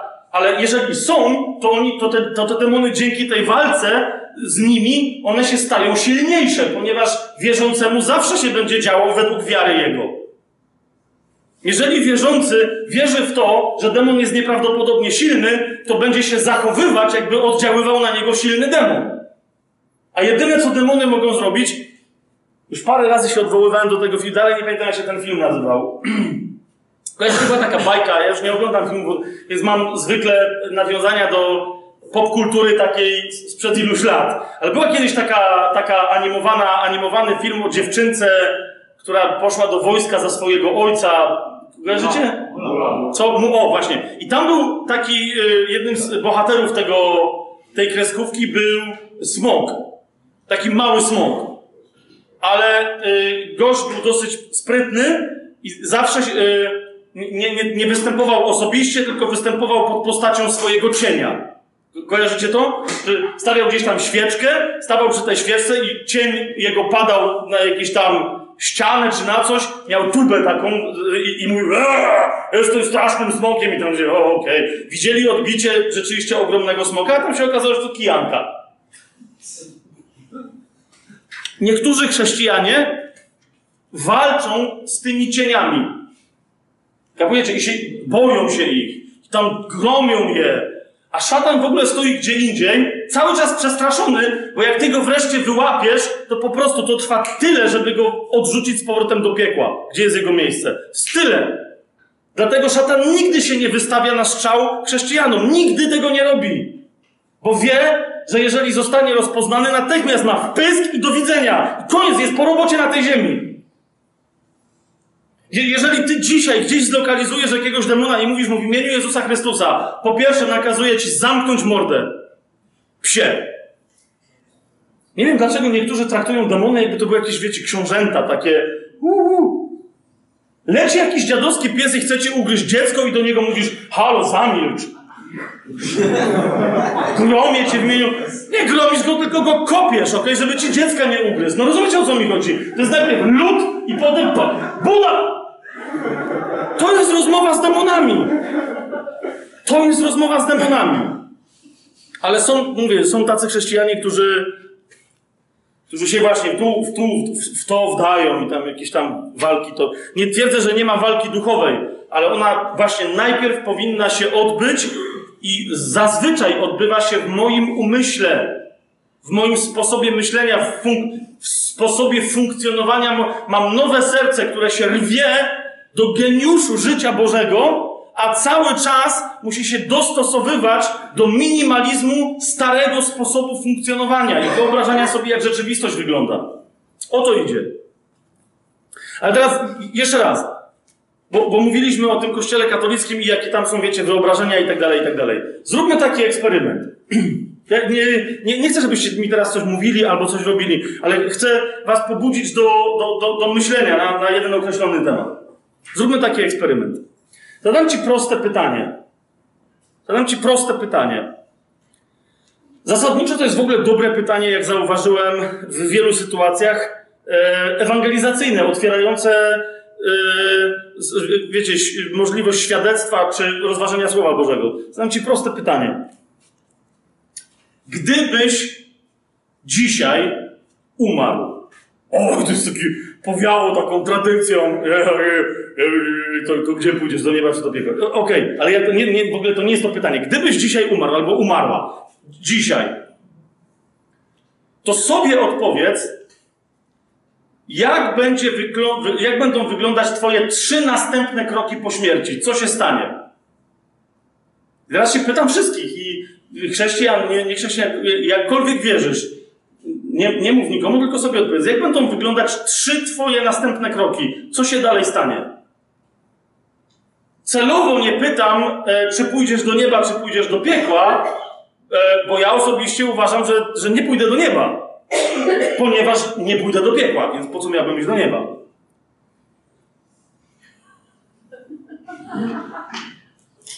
No i teraz jest, jest teraz niektórzy mi a co ty gadasz? Okej, to jest jeszcze następne, niezależnie od tego, co sobie teraz myślisz. Jakie będą trzy następne kroki? Bardzo mi się podobają tu niektóre twarze, które tak zupełnie w taki, w taki szczery sposób mówią, jakie trzy kroki? Ja nie wiem w ogóle, co? No człowiek umiera, zobaczcie, u siebie w społecznościach, nie wiem, pastora, kogoś, zapytajcie, ale, ale tak konkretnie, umrę, czego się mogę spodziewać?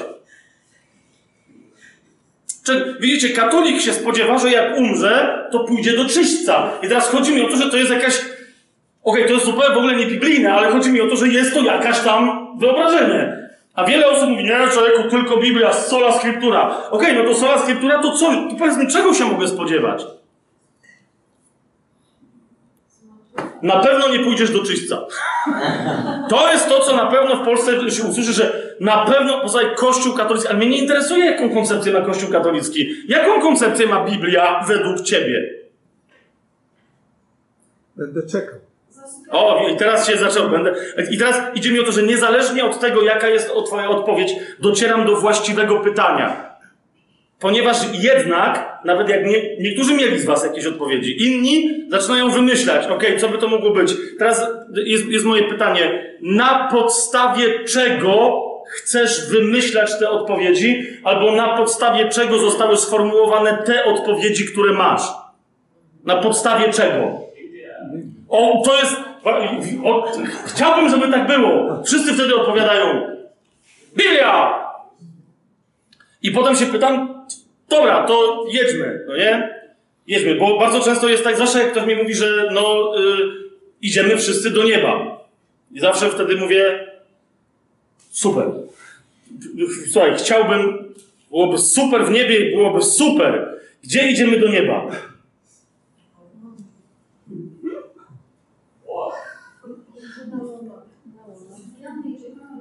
I teraz się zaczyna, właśnie, teraz się zaczyna historia. Zasypiamy i czekamy na zmartwychwstanie. E, trafiamy na łono Abrahama. Ten Abraham tam musi mieć dość sporadę to łono.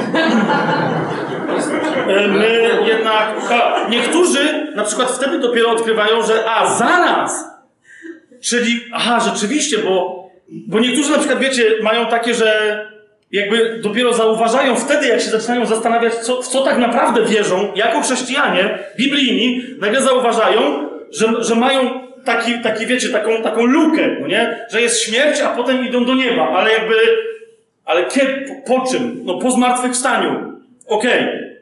Teraz nagle pada pytanie, jeżeli mamy iść do nieba, rozumianego zawsze, niebo jest, wiecie, zawsze jest takie, jakieś takie ptasie, takie ulotne, takie, no niebo to tam jest powietrze, to jest wszystko takie duchowe, no duchowe, tak? Niebo jest, nie ma bardziej duchowego miejsca niż niebo, no umówmy się, tak? Ale to wtedy jest pytanie, które kiedyś usłyszałem, to było genialne. Dziecko zadało pytanie ewangeliście, którego zatkało. Bo on tam głosił niebo, niebo, niebo, ducha, niebo, ducha. I dziecko mówi, to po co mamy zmartwychwstać w ciele? Nie lepiej już zostać duchem? A całe objawienie krzyczy o tym, że naszym celem, dlatego mamy zmartwychwstać w ciele, ponieważ naszym celem jest nowa ziemia pod nowym niebem. Oczywiście niektórzy się wtedy wkurzają, że tak, świadkowie Jehowy mówią, okej, okay, całkiem możliwe, ja za dokładnie nie znam doktryny świadków Jehowy. Chodzi mi tylko o to, że czasem nawet świadkom Jehowy się lasnie i trafią. Wiecie o co mi chodzi? To nie jest tak, że wszystko, co świat... Bo niektórzy jakby robią ze świadków Jehowy w niektórych kręgach jakby nowych katolików. Wiecie o co mi chodzi? Że niektórzy nienawidzą najbardziej niebiblijny coś tam na świecie, to są katolicy, a inni mają, nie, chyba, że Jehowi. No nie, to ci są jeszcze bardziej. No nie! Ja wiem, że świadkowie Jehowy mają czasem swoje dziwne doktryny, ale znowu świadek Jehowy może cię zaskoczyć. Najlepsze jest, jak biblijny chrześcijanin spotyka świadka Jehowy i ten biblijny chrześcijanin mówi, ja nie jestem katolikiem, zaskoczę gościa, bo ja czytam Pismo Święte. I nagle trafia na świadka Jehowy, który też akurat czyta Pismo Święte. Wiecie, nie, nie tylko to, co miał przeczytać, i nie, nie tylko, że miał tam parędziesiąt wyuczonych cytatów, tylko naprawdę czytał Pismo Święte. Nie akurat przeżywa kryzys, bo czyta Pismo Święte, ale zaskakuje biblijnego chrześcijanina, bo zadajemy mu pytania o oczywiste rzeczy w Biblii, a ten biblijny chrześcijanin nagle mówi, że mam Biblię w ręku, ale nie wiem, co tam jest napisane. Mam Biblię w ręku, ale to, co myślę, że tu jest napisane, tak naprawdę zostało mi powiedziane, że tu jest napisane. Nie wiem, w jakich zborach, w jakich społecznościach się obracaliście, ale rozumiecie, jeszcze raz, nie, nie chcę niczego, nie chodzi mi teraz o to, żeby, żeby cokolwiek krytykować, tylko żeby Ciebie obudzić do autentycznej szczerości wobec Boga z otwartym Pismem Świętym przed Twoimi oczami. Masa ludzi mówi, to jest biblijne nauczanie. Dlaczego? No bo to jest w Biblii. Gdzie? Yy, słyszałeś Randy Clarka? O, to jest często odpowiedź, gdzie to jest w Biblii. No dobra, niekoniecznie to musi być Randy Clark, to może być... A Heidi Baker, znasz zdrowe nauczanie?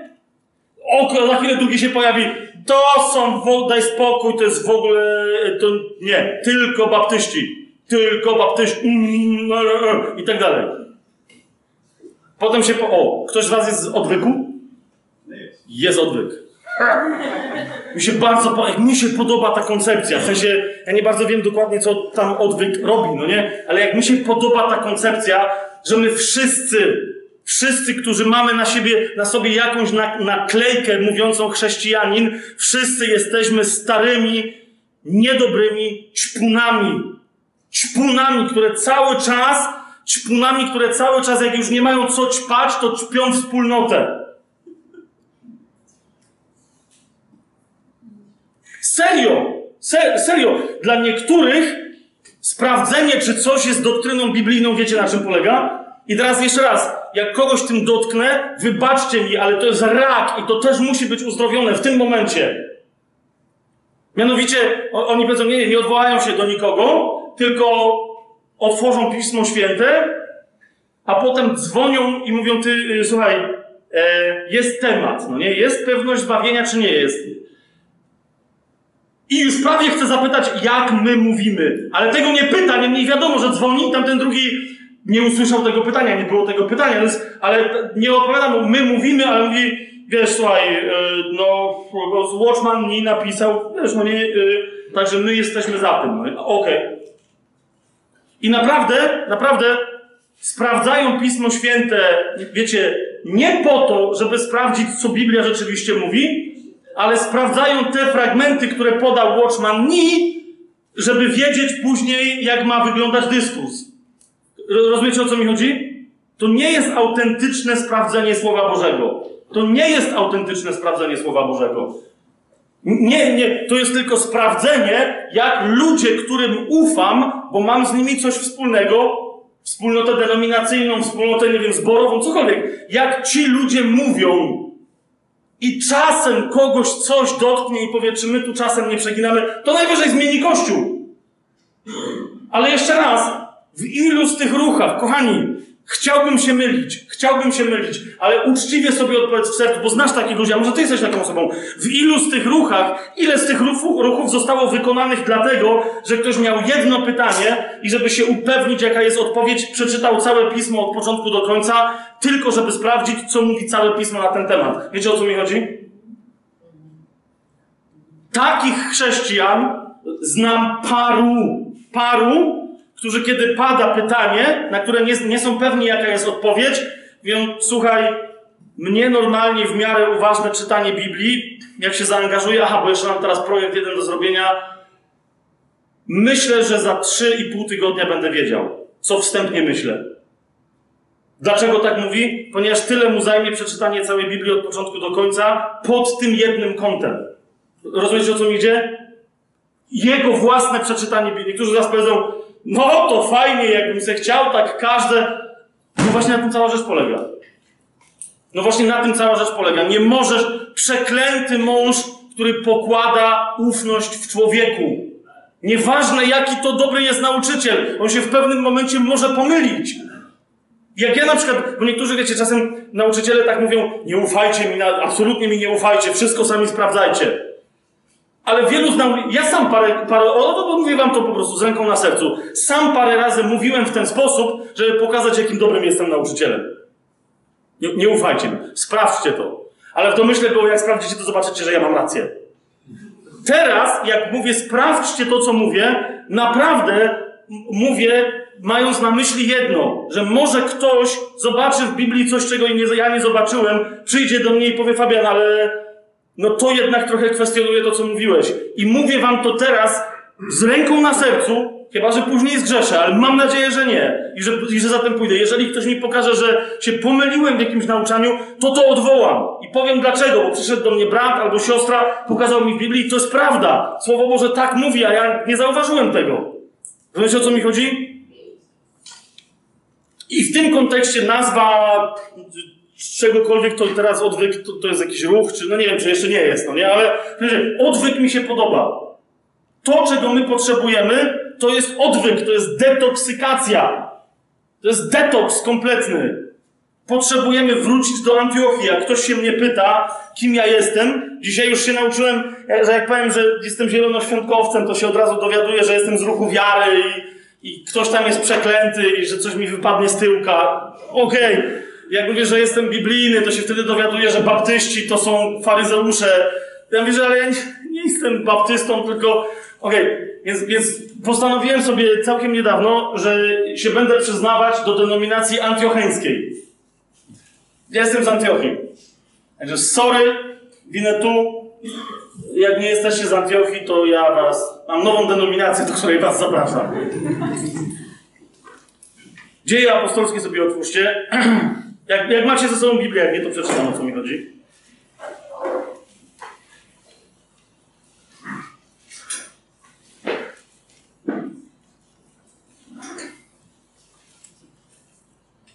To oczy, oczywiście, tylko teraz, yy, halo, to był żart z tą Antiochią. Tak? Jej kunie, bo dzisiaj naprawdę jest, jest, czasem jest takie, że coś powiesz, a potem się za dwa tygodnie dowiem na jakiejś tam stronie, że Łaszkiewicz jednak wyszło szydło z worka, założył kościół czy coś tam. Więc to był żart, tak? Ja się tylko odwoływałem do dziejów apostolskich, do 11 rozdziału. Chodzi mi o to, że jest to ciekawe, jak Słowo Boże czasem opisując jakieś zdawałoby się niepozorne zdarzenie, de facto pokazuje nam wzorzec czegoś. I teraz Antiochia dla mnie oznacza kościół tych, którzy nie są Żydami z pochodzenia, a więc którzy nie mogą polegać na łaskach i na obietnicach, które Pan zapowiedział narodowi Izraela. I teraz znowu nie będziemy dyskutować, co, co to jest. Ja nie jestem żadnym syjonistą, kimś tam, e, ale wystarczy choćby uważna lektura listu do Rzymian, żeby, żeby zauważyć w liście do Rzymian, e, że Paweł mówi wyraźnie, że zaćmienie umysłu etnicznego Izraela jest planem Bożym i będzie trwać do czasu, a na końcu ci wszyscy Żydzi, no, którzy zostaną, całe Stare Przymierze ich nazywa resztką, więc to może nie być wielu, ale jednak, że ci Żydzi, którzy zostaną jednym z, ze znaków ewidentnego końca, będzie ich przyjęcie Jezusa jako Mesjasza. Tak? Zachariasz o tym mówi wyraźnie spojrzą na mnie, swojego Boga, tego, którego przebili i gorzko zapłaczą. Jedno z najmocniej, i o tym mówi Paweł. Paweł jest tak przekonany o istnieniu etnicznego Izraela, że wręcz powiedział trochę tak jak Mojżesz, pamiętacie, który Bogu powiedział, wymasz mnie z księgi życia, ale ich ocal. To Paweł powiedział, że, że byłby w stanie zrezygnować ze swojego zbawienia, gdyby to miało zbawić Izraela. Znajdźcie to w Słowie Bożym, tak? Więc teraz, ale ja nie jestem jakimś, wiecie, fanatykiem Izraela, że teraz Izrael coś tam, no, nie, nie jestem, bo nie jestem Żydem. Nawet jeżeli, nie wiem, mam krew żydowską w sobie w jakiejś tam mierze, czego też nie jestem pewny. Ale chodzi mi, to, to nie ma żadnego znaczenia, bo byłem, byłem wychowany, nie byłem wychowany w obietnicach. Rozumiecie, o co mi idzie? Nie byłem wychowany w Słowie Bożym od małego. Nie wiem, nie, nie, nie krąży w moich żyłach, przez uszy nie weszło do, do mojego krwioobiegu słowo, które było obietnicą dla mnie jako dla narodu, więc jestem poganinem. O to mi chodzi, tak? Jeżeli ktoś z was nie jest Żydem wychowanym na torze, nie jest, nie, nie, jest, nie jest Żydem czy Żydówką wychowanym, czy wychowaną na Tanachu, na Starym Przymierzu, na Pierwszym Przymierzu, to po prostu to tak czy siak, przez niesłuchanie słowa, nie masz w sobie tej wiary rdzennej i jesteś poganinem czy poganką. To tyle, to nie jest żadna obraza dla nas, tak? A więc jesteśmy kościołem pogan. A pierwszy kościół, który był kościołem pogan, to jest kościół antiocheński. Nawiasem mówiąc, to ten kościół, nie kościół e, chrześcijan przyjmujących Mesjasza, Żydów, ale to właśnie ten kościół, pogan, który, którzy przyjęli łaskę od Mesjasza, ten kościół został nazwany kościołem chrześcijańskim, zborem chrześcijan. Zobaczcie, 11 rozdział dziejów apostolskich, 26 werset, e, koniec 26 wersetu, tam, e, tam o tym Słowo Boże mówi. W Antiochii też nazwano po raz pierwszy uczniów chrześcijanami. W Antiochii nazwano po raz pierwszy uczniów chrześcijanami. Ale e, wróćmy do wersetu 19, żebyśmy zrozumieli, co to byli za uczniowie. Tak? 19 i następnych. Kto to został nazwany? Kto to byli chrześcijanie? W sensu stricto. 11 rozdział, 19 werset i następny mówią nam. Tymczasem ci, którzy zostali rozproszeni na skutek prześladowania, jakie wybuchło z powodu Szczepana, czyli prześladowania w Jerozolimie, dotarli aż do Fenicji, na Cypr i do Antiochii, ale teraz uważajcie, to byli zasadniczo Żydzi albo prozelici, tak? czyli na, nawróceńcy, że, się tak wyrażę, ale to byli zasadniczo Żydzi. I teraz zauważcie, y, co nam Łukasz pisze w dziejach apostolskich, że kiedy dotarli na Cypr, a, a nawet do Antiochii, nikomu nie głosili słowa, tylko, mam tutaj zegarek, tylko samym Żydom. Widzicie to? Nikomu nie głosili słowa, tylko samym Żydom. I teraz mamy następny 20 werset. Niektórzy zaś z nich byli Cypryjczykami i Cyrenejczykami, ale to byli Żydzi, Y, z Cypru y, i y, Cyrenejscy, ci, gdy przyszli do Antiochii, oni zaczęli zwracać się do Greków. Zwracali się również do Greków, głosząc dobrą nowinę o Panu Jezusie.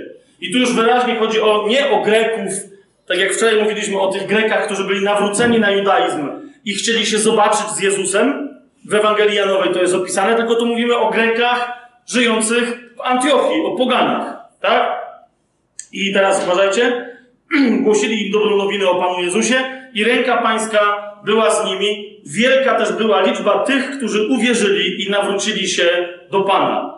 Skąd wiemy, że ta wielka liczba to po raz pierwszy była wielka liczba nie Żydów nawracających się, ale pogan? No bo za chwilę mamy napisane, że wieść o nich dotarła także do uszu zboru w Jerozolimie. Wysłali więc do Antiochii Barnabę, który gdy tam przybył i ujrzał łaskę Bożą, uradował się i zachęcał wszystkich, aby całym sercem trwali przy Panu.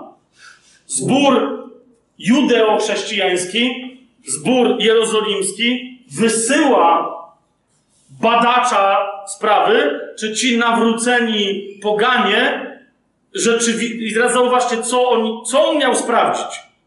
Nie wiemy. Słowo Boże nam nie mówi, jakie miał kryteria. Ale on nam podaje, jedno, jedyne kryterium, które było dla niego istotne. Jeszcze raz przyjrzyjcie się, yy, przyjrzyjcie się temu słowu. Który, gdy tam przybył i ujrzał co? Łaskę Bożą. Teraz jeszcze raz przyjrzyjcie się temu słowu. W momencie, kiedy, kiedy Słowo Boże mówi ci, że ktoś gdzieś przyszedł fizycznie, spojrzał na Kościół i zobaczył łaskę Bożą, to co on zobaczył? Jeszcze raz, nie zamierzam wam dzisiaj udzielać odpowiedzi na to pytanie. Chcę, żeby w naszych ser... w moim sercu nadal to pytanie pracuje. Ale niech to będzie dla ciebie, stań ty z Duchem Świętym i pytaj go, co zobaczył Barnaba w Antiochii. Ale to jest dla mnie, to, to nazywam chrześcijaństwem antiocheńskim. Ja nie wiem, zauważcie, tu nie mamy ani słowa powiedzianego, że ci nawracający się w Antiochii byli jak tamci badacze Pisma Świętego z Berei. Nie mamy tego powiedzianego, ale o Berejczykach Słowo Boże nie mówi, że u nich Słowo Boże ich chwali. Tak? Oni są pochwaleni, że, że wszystko chcieli sprawdzić ze Słowem Bożym. Amen!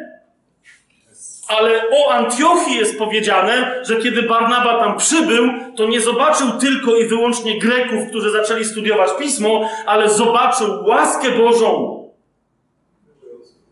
Łaska Boża, żeby była widoczna, może być widoczna, według mnie jest to, jest to jeden z kluczy, jest widoczna tylko wtedy, kiedy widzisz Boga, bo, bo On sam jest łaską. Jak przestudiujecie sobie, czy, czym jest łaska Boża, zwłaszcza w Nowym Testamencie, to, to nagle odkryjesz, że łaska nie jest czym, ale łaska jest kimś.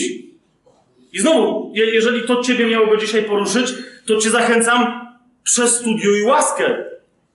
Ale nagle zobaczysz, że łaska to nie jest prąd, który wychodzi od Ojca, przechodzi przez Syna i w Duchu Świętym Cię dotyka, a Ty masz... Rozumiecie? No, no, no pomyśl, niektórzy mają znowu dziwaczny dogmat na temat łaski. Łaską jesteście zbawieni przez wiarę. Zgadza się? Co to jest łaska? Niezasłużona przychylność. Do i tak nie, niezasłużona przychylność. E, prąd zmienny. Y, nie znam się na prądzie, to nie będzie, ale to wiecie, to jest. Y, wytłumacz dziecku, co to jest prąd. Czy, jak on płynie przez kabel. Musi prąd. E, Niektórzy tu są elektrykami, czy. Okej, ja się nie znam na prądzie, ale tak czy siak, prąd to nie jest dobra analogia. To nie jest żadna analogia dla łaski. Jesteśmy zbawieni całym dziełem życia Chrystusa. To jest łaska. Jesteśmy zbawieni całym dziełem działania Ducha Świętego, który w nas życie Chrystusa wlewa, tak że w pewnym momencie ktoś, tak jak Paweł może wreszcie powiedzieć, już nie ja żyję, ale żyje we mnie Chrystus. To jest łaska. Łaska to jest świadomość tego, że we mnie Ojciec i Syn i Duch Święty wieczerzają, bo tak chcą. Łaska to jest, to jest, to jest nie wiedza o tym, że Bóg jest miłością, ale to jest takie wypełnienie się obecnością Bożą, że nawet kiedy podnoszę rękę w nieokreślonym celu nad drugim człowiekiem, on wie, że nie chce go uderzyć, ale że właśnie go błogosławię. To jest łaska. Łaska nie jest niezależnie działającą energią, którą Bóg posyła i ma nadzieję, albo nawet pewność, że ona coś zrobi. Łaska to jest On sam we własnej osobie, gwarantujący moc, bo On jest mocą, a jest to moc miłości. Nigdzie w Biblii nie jest powiedziane, że Bóg jest inny od miłości. Macie taki fragment gdzieś? A kiedyś, jak zapytałem o to, to ktoś stwierdził, że jest powiedziane. Uwielbiam tych od jest powiedziane. To jest. Ale naprawdę, nie, mówię teraz tego złośliwie. Chciałbym wrócić, wiecie, kiedyś znaleźć się w, takiej wspólnocie takiej berejskiej, takich faryzeuszy, ale naprawdę, wiecie, kochających słów, które a y, jest powiedziane, że, ale jest też powiedziane, i, ale wszakże chciałem, ale wow! Czujecie to? Genialne by to było. A potem byśmy się prawdopodobnie musieli egzorcyzmować. Ale to... Więc y, właśnie ten powiedział, mówi, ale jest powiedziane, że Duch Boży, że Duch rozlewa miłość Bożą w naszych sercach. Tak? Okej. Okay. Zawsze tam, gdzie jest rzeczownik po grecku, jak ja tego nie cierpię, że on jest tłumaczony jako przymiotnik. Nie, nie cierpię tego w tłumaczeniach, no. A w większości tłumaczeń tak mamy. Prawie nigdzie, gdzie jest powiedziane, prawie w ogóle, bardzo rzadko w Biblii pojawia się przymiotnik Boży, po, grek, po, w języku greckim, o tym mówię. Prawie zawsze, natomiast tam, gdzie my mamy, że coś jest Boże, jest, że jest Boga. Z Boga, w, u Boga, od Boga, tak? Ale że jest Boga. Tam jest prawie zawsze, tak jak w języku angielskim, macie something of something else. Wiecie o co mi chodzi, że coś jest czegoś. To tu mamy profesjonalistę. Dobrze to wyjaśniłem? Tak. Coś. I to, to, jest to, to, to jest zawsze to greckie tu teu. To jest miłość Boga. Ale jakiego Boga? Który jest miłością. Dlatego to jest Jego miłość, bo to On sam się rozlewa w Tobie. Wiecie o co mi idzie? Ludzie oczekują doświadczenia miłości Bożej i oczekują, że doświadczą miłości bez tego, który jest nią. Z całym szacunkiem, ale to jest tak, jak, jakby próbować utulić dziecko, którego nie masz w rękach. Wiesz, jak to zrobić? No Ja nie wiem. Znaczy, oczywiście zaczną się teraz koncepcje jakiegoś teatru japońskiego, że.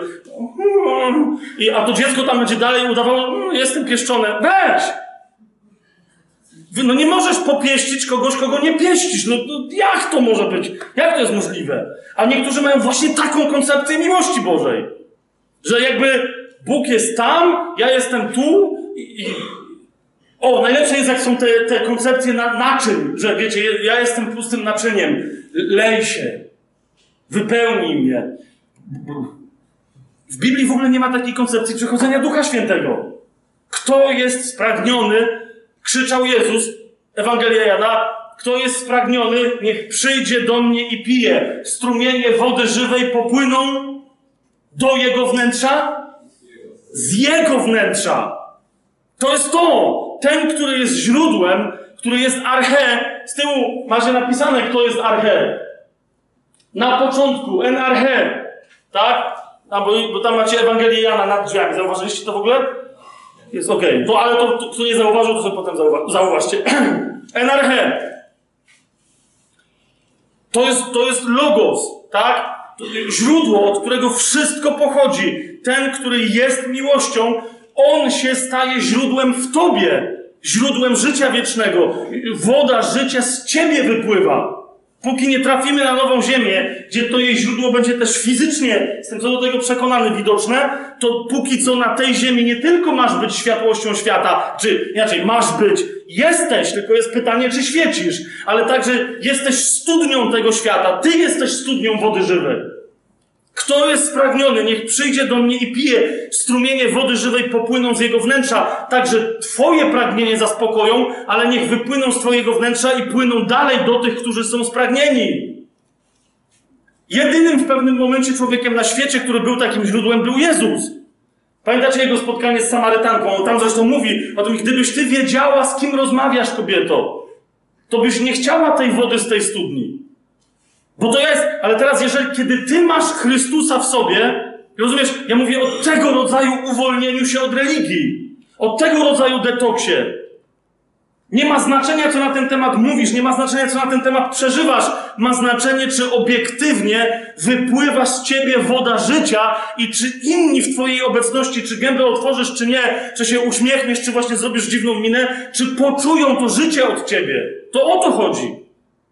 Czy tak jest w Twoim życiu? Jeżeli nie jest, to, to wrócę do początku mojej wypowiedzi, to nie jesteś z Antiochii, jesteś z jakiejś religii. Chrześcijanami zostali nazwani poganie, do których kiedy przyszedł Żyd, powiedział: Widzę u nich łaskę. To jest chrześcijanin. Yy, nie żeby inni się nie mieli prawa nazywać, ale ci nie mieli się prawa nazywać, a inni ich chrześcijanami nazwali. Wiecie o co mi idzie? Dzisiaj wszyscy chrześcijanie sami się nazywają chrześcijanami, a inni na nich mówią: eee, eee tam. To nie jest chrześcijanin, to jest katolik. A co, a ty jesteś chrześcijanin? Jesteś smutnym zielonoświątkowcem. Przynajmniej nie ciulowym baptystą. I tak dalej. Rozumiecie? Być prawdziwym chrześcijaninem znaczy być. I, i, I kolejne nazwy sobie wymyślają, że powiedzieć, to oznacza, jeżeli ktoś sobie przylepi tę łatkę, to wtedy inni, ekipka jakaś się do niego dołączy i powie, tak, ty jesteś prawdziwym chrześcijaninem, bo my też uważamy.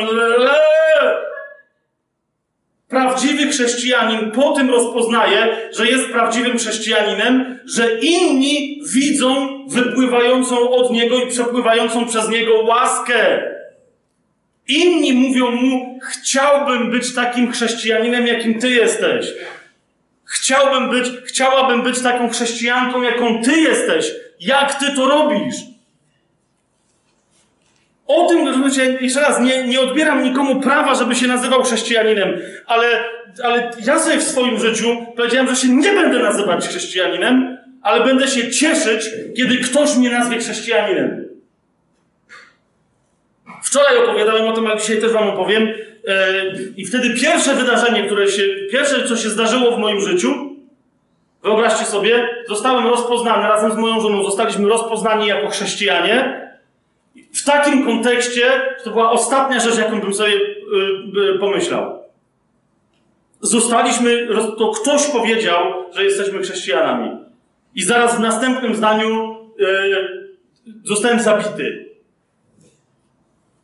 No wczoraj o tym opowiadałem, ale to wybaczcie mi jeszcze dzisiaj, to jeszcze raz powtórzę. To było parę tygodni temu. Byliśmy w sklepie w w Krakowie obok Ronda e, Chełmskiego i tam siedział e, przy wejściu do, do tego sklepu, bo to jest sklep taki, taka sieciówka e, w Krakowie typu Groszek czy coś takiego. Siedział jakiś taki straszliwy żul, e, przynajmniej na pierwszy rzut oka był straszliwy, żulo, ćpuno, bezdomnik. E, co było o tyle dziwne, że te rejony, to, są, to jest daleko od dworca i innych takich klasycznych miejsc dla takich ludzi, e, to było jakoś bardzo daleko, tak? A on siedział przy tych drzwiach, więc go zapytałem, stary, co tam potrzebujesz? No potrzebuję jedzenia, nie chcę pieniędzy, super, pewnie byśmy ci i tak nie dali, dobra, weszliśmy z Madzią. Kupiliśmy dla niego jedzenie, tam jakieś, wiecie, ponieważ to wiadomo, jak to tam z nimi bywa, więc bardzo dużo jakichś batonów, wiecie, słodkich rzeczy, bo to węglowodany często takich ludzi tylko trzymają przy życiu, ale trochę tam kiełbasy miękkiej, bo on tam zębów nie miał, jakiegoś chleba miękkiego, bułek, okej. No i wychodząc z Madzią, Madzia mnie oczywiście upomniała, mówi, posłuchaj, ale to nie tylko mu damy to jedzenie, tylko go musimy pobłogosławić, tak? Ja mówię, oczywiście, że no, oczywiście, jakżeż. Jakżeż mógłbym ominąć ten wspaniały moment zademonstrowania mojemu Bogu, jak dobrym jestem chrześcijaninem, prawda? Oczywiście. Chce czy nie chce, będziemy się za niego pobłogosławimy go, oczywiście, że tak. I teraz, wiecie, wyszliśmy na zewnątrz, ja tam sobie przykucnąłem, bo on tam tak pół, pół leżał przy tych drzwiach, Madzia też. Zanim się zdążyłem odezwać, on patrząc na nas powiedział, czy wy jesteście chrześcijanami? I to było, wiecie, to był ten taki moment, bo, aż, bo to było pytanie, ale częściowo, Madzia, no nie, takie częściowo retoryczne, że on w zasadzie wiedział, tylko tak, wiecie, takie, czy wy jesteście chrześcijanami? Ja taki troszkę zaskoczony, ale jednocześnie lekko taki, wiecie, połechtany, mówię, o, dzięki Ci Duchu Święty, ktoś mnie rozpoznał. Mówię, tak, stary, jesteśmy. I w tym momencie nastąpiła druga rzecz, on mnie wziął za rękę i mówi, bracie, w takim razie w imieniu naszego Pana Jezusa Chrystusa błogosławię Cię i wzywam wszelkiego, bo... Rozumiecie, ja wtedy... Tak męskie było moje pytanie. Ale kapujecie, jak na każdym możliwym levelu zostałem przejechany e, masakrą, piłą łańcuchowo-spalinową w Teksasie 7,5? Na każdym poziomie. W sensie, po pierwsze, e, ja o tym też wczoraj mówiłem, ale to, to jest też, co jest grane, że ja jego nie rozpoznałem jako chrześcijanina. Co jest grane z ciałem Chrystusa, że są tacy chrześcijanie, bo jeszcze raz, myśmy potem dali jakieś tam ubrania, gdzieś go tam zawieźliśmy, coś tam się w ogóle zaczęło wtedy dziać, ta, ale chodzi mi o to, że i cały czas sprawdzaliśmy, czy czasem nie jest to, wiecie, taki, taki cwaniak, który, wiecie, gdzieś w więzieniu usłyszał jakichś ewangelistów i teraz jest profesjonalny, w zasadzie sam jest profesjonalistą, gdy chodzi o głoszenie Ewangelii, ale nie, ten gość po prostu naprawdę oddał swoje życie Chrystusowi, był ochrzczony, no i to było moje pytanie, co się dzieje?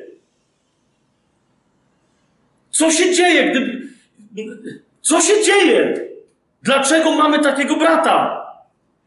Gdzie jest ciało Chrystusa?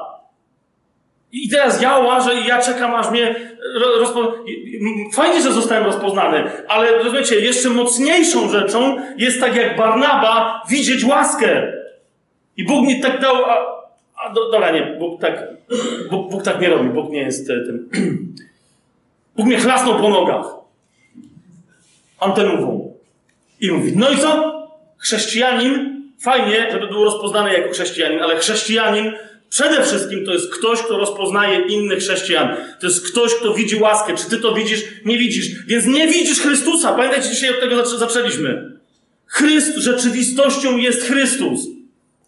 Jeżeli wiarą chodzimy, a nie oglądaniem zmysłowym, to to nie oznacza, że chodzimy w widzeniach, że mamy sny i potem spodziewamy się, że coś tam. To znaczy, że widzimy Chrystusa. I teraz ja mówię, panie, nie rozpoznałem w nim brata, ale, wtedy jeszcze się gorzej dowiedziałem. Mówię, a, a, a jakby się okazało, że to nie jest chrześcijanin. to jeszcze gorzej, że mnie w nim nie rozpoznałeś. Łapiecie, bo, bo potem znowu było takie, pomogliśmy bratu, okazało się, że jest chrześcijanin. Jakby się okazało, że to jednak jest żul, to bym mu nie przywiózł tych ubrań i bym go nie zawiózł z powrotem tam, gdzie ich chciał, bo myśmy wtedy naprawdę parę godzin mu poświęcili. Łapiecie, o co mi chodzi? I teraz znowu nie idzie mi o to, żebyśmy się nagle jako chrześcijanie zamieniali, bo ja teraz wcale was nie nawołuję do działań charytatywnych. Wręcz powiedziałbym walić działania charytatywne. To jest kolejna religia. To jest kolejna religia, jeżeli ktoś nagle z tego robi dowód na to, że jest wierzący. Ja tylko mówię o tym, otwórzcie sobie pierwszy list Janowy, gdzie y, jest tak jasno powiedziane, jak w żadnym innym miejscu, że Bóg jest miłością. To jest czwarty rozdział, ósmy werset. Najczęściej się mówi, Bóg jest miłością. 1 Jana 4,8, prawda? A to nie jest całe zdanie.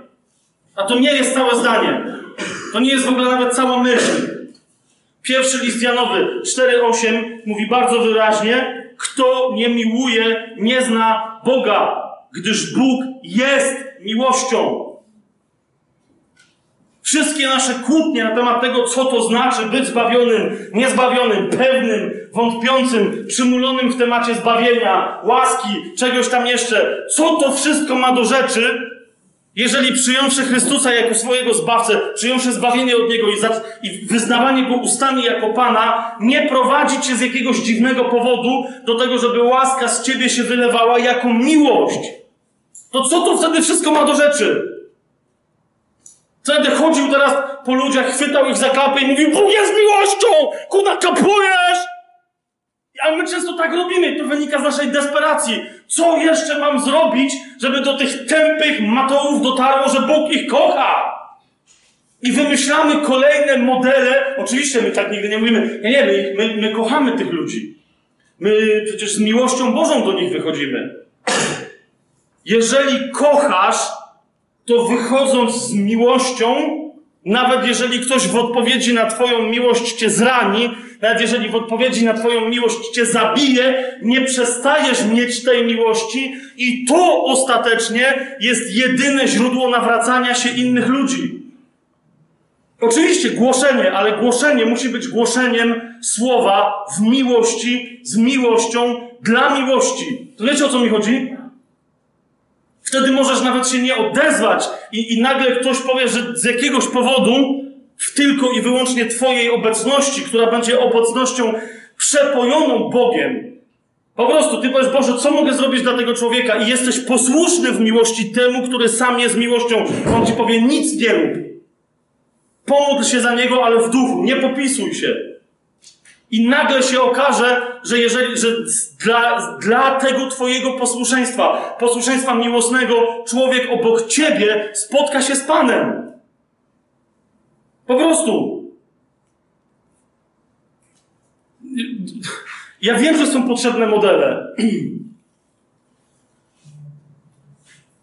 Ja wiem, że są potrzebne techniki, ja wiem, że jest potrzebna wiedza, zrozumienie, jak działa komunikacja, jak się buduje wspólnot. Ja wiem, że to wszystko jest potrzebne, ale chodzi mi o to, że to wszystko powinno być konsekwencją trwania w miłości. I jeżeli w pewnym momencie w ramach budowania kościoła cokolwiek by się nie działo, nagle zauważymy, że zaczyna nam brakować miłości, to to jest kolejna rzecz. Odłóż to wszystko, bo to znaczy, że to już jest religia. Miłość zawsze, jeżeli robi inne rzeczy, to to robi, ale zawsze łamie schematy. Miłość nie ustaje, miłość jest cierpliwa, miłość, ale miłość nie jest, rozumiem, miłość nie jest pitu-pitu. A my często taką głosimy. A jak to, co głosimy, to potem to mamy, bo to głosimy. Głosimy miłość, która nie jest miłością, bo głosimy tylko taką miłość, jakiej doświadczamy, a często takiej doświadczamy, na jaką sobie tylko chcemy pozwolić, bo żyjemy w umysłowych twierdzach, które mówią, nie możesz niczego więcej się spodziewać. Nie możesz.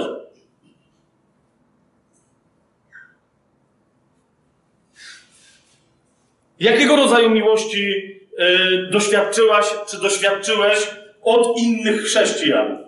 Jakie było Twoje doświadczenie miłości w, na modlitwie, e, w spotkaniu z, z Ojcem?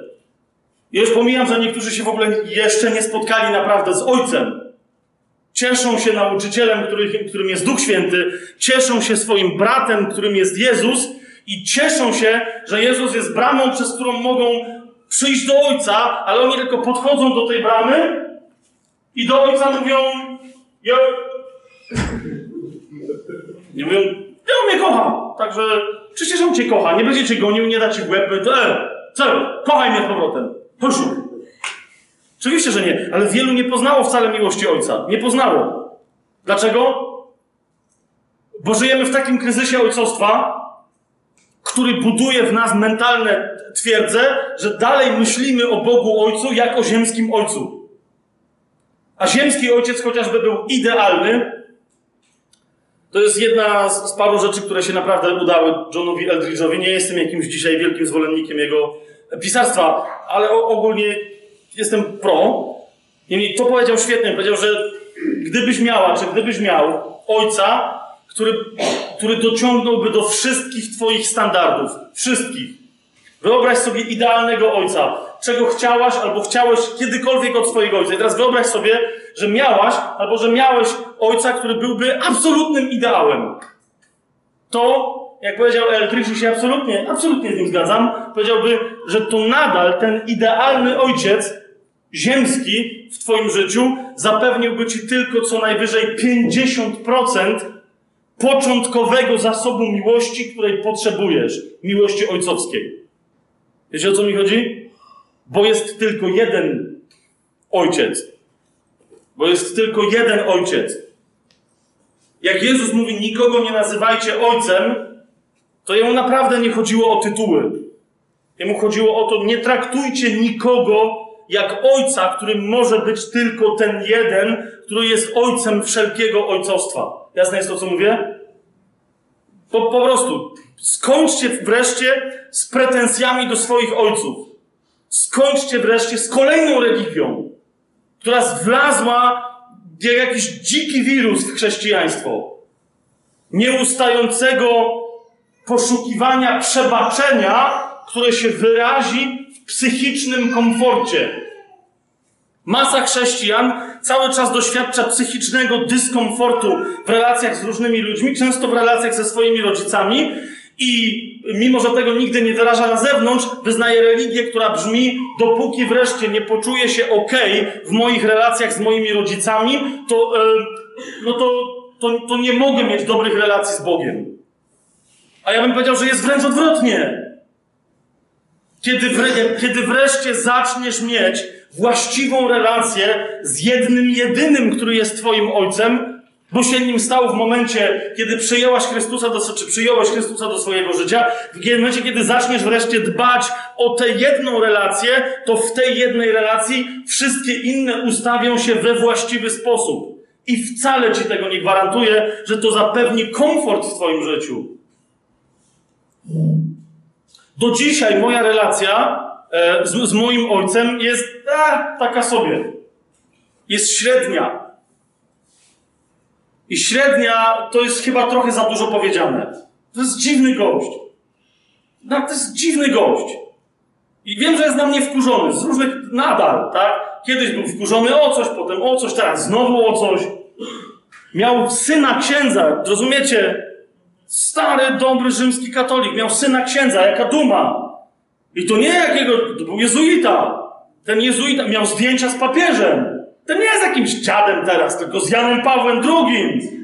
Świętym Janem Pawłem Wielkim miał zdjęcia z nim. Mojego syna kardynał Franciszek Macharski święcił, nie jakiś szmaciarz z Tarnowa. Dobra, przesadziłem teraz trochę z tym szmaciarzem, ale to no, de facto... Rozumiecie? No i teraz co? I teraz wszystkie zdjęcia musiał pozdejmować, bo synowi znowu odwaliło. No to jest debil, no. Ale jeszcze chociaż, żeby coś poustawiał z Watykanem, to se nie poustawiał. Wziął sobie babę i co, na, na kocią łapę żyją. Co to, w urzędzie stanu cywilnego, co to jest? Nawet pastora, już, a, już by przebolał. A tu było, wiecie, Biblia mówi, że nie, przed Pan, no. I teraz, i teraz, czujecie, dla mnie to nie jest nigdy za specjalnie komfortowa sytuacja. Rozumiecie, o co mi chodzi, tak? Tylko, że jak się pytam Boga, co ja mam z tym zrobić, to Bóg mi zawsze, cały czas mówi, to nie ty masz coś robić. Czy ja mam ogłosić Ewangelię? Mówi, nie! No to ja się mam jakoś z nim znowu po raz szesnasty godzić czy coś? No nie, on taki jest. I teraz chodzi mi o to, że jak wam mówię teraz o moim tacie, czujecie, nie, nie, sam się nie czuję do końca komfortowo, tak?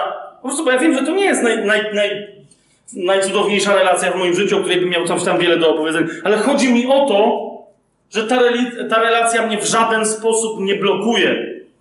Je, jeżeli dzięki takiej, tej relacji i jej stanowi, takiemu jaki jest, jeżeli dzięki temu szybciej moją skorupę Bóg połamie, a Duch Boży dzięki, dzięki temu będzie mógł swobodniej się ze mnie wydostawać i inni patrząc na mnie będą mogli nie tylko widzieć, ale doświadczać łaski Bożej, czy się odezwę, czy nie odezwę, to chwała Bogu. Kapujecie? Chwała Bogu.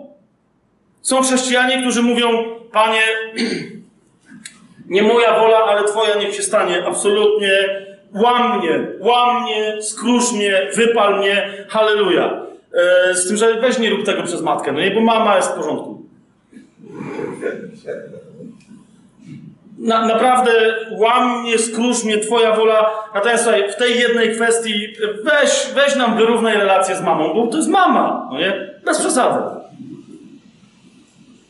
I potem się dziwią, mówią, nie sły- przestałem słyszeć, bo Bóg do mnie jakoś coś nie gada. Nie gada. Mm, mm. Nie, nie, nie wiem. No nie wiem, dlatego że, że kolejny raz w swoim życiu mówisz, Jezus jest Panem, po czym w tej jednej konkretnej sytuacji mówisz, ale w tej sytuacji ja jestem Panem. Czy mógłbyś raz w życiu Jezu mnie posłuchać? Raz w życiu. Pra, ja nie wiem, ile osób to się zajmuje. Wiem, że, że, że dość sporo, wbrew pozorom, dość sporo zajmuje się ewangelizacją i na pewno zajmą, głosząc Ewangelię, głosiliście ludziom e, na przykład cztery prawa życia duchowego i głosiliście, na czym polega historia e, tronu w swoim sercu i kto na tym tronie siedzi. Czy ja tam siedzę, czy Pan Jezus? Otóż w życiu większości chrześcijan, dobra, że ja teraz się będę zajmował, większości chrześcijan, których ja znam, ale całkiem możliwe, że to jest tylko projekcja stanu w moim sercu. Prawda jest taka, że na tronie mojego serca ani ja nie siedzę, ani Jezus, tylko się gonimy dookoła. I wiecie, a co i róż, ty, co i róż, mówię, p- p- Panie Jezu, Ty tutaj siedzisz na tronie, ale ja bym sobie tak chociaż kicnął, no nie, żartowałem, Panie, Panie Jezu, to mogę sobie siąść, czy nie mogę? Rozumiecie, i jest i bo autentycznie, jak jakiś kurna nowoczesny balet. Tam nie ma prostej sytuacji, tu siedzi Jezus, tu jesteś Ty. Zrzuciłeś Jezusa, Ty siedzisz teraz, Jezus biedny. Nie. Jakie tematy powodują, że w Twoim życiu trwa gonitwa dookoła tronu w Twoim sercu? Jakie tematy? Naprawdę lepiej by było, żebyś sobie przynajmniej uczciwie Ty już siadł na tym tronie, przynajmniej wtedy wiesz, że się potrzebujesz nawrócić. Kapujecie? A najgorszy jest ten pusty tron i ta gonitwa dookoła. I jeszcze Ojciec z Duchem Świętym siedzą i mówią, no i tak zawsze mieli to. Duch Święty liczy okrążenia. Ojciec jest znużony, bo ojciec zasadniczo jest asportowy, nie ogląda piłki nożnej w telewizji. Jeżeli to zabrzmiało trochę jak kpina, rozumiecie, kpiną jest to, że my się ganiamy z Jezusem dookoła tronu naszego serca, a nie, że ja tak o tym w, dzi- w dziwny sposób mówię. To jest kpina. Uwolnienie się od religii pro- prowadzi wreszcie, na, na, na sam koniec już powiem, uwolnienie się od religii prowadzi wreszcie do tej nieprawdopodobnej prostoty, która została wyrażona przez Pana Jezusa w trzecim e, rozdziale Ewangelii Jana. Jak sobie otworzycie razem ze mną, kto ma e, Pismo Święte, ale was zaskoczę, bo nie chodzi mi o Jana 3,16. W ogóle mi o to nie chodzi. Mam wrażenie, że ten najbardziej znany werset na świecie, J 3,16, to jest po prostu prawie jak Rudy 102 dla mojego pokolenia, że ten, ten werset jest przekrzyczany przez wszystkich, ponieważ jest wyrywany z kontekstu.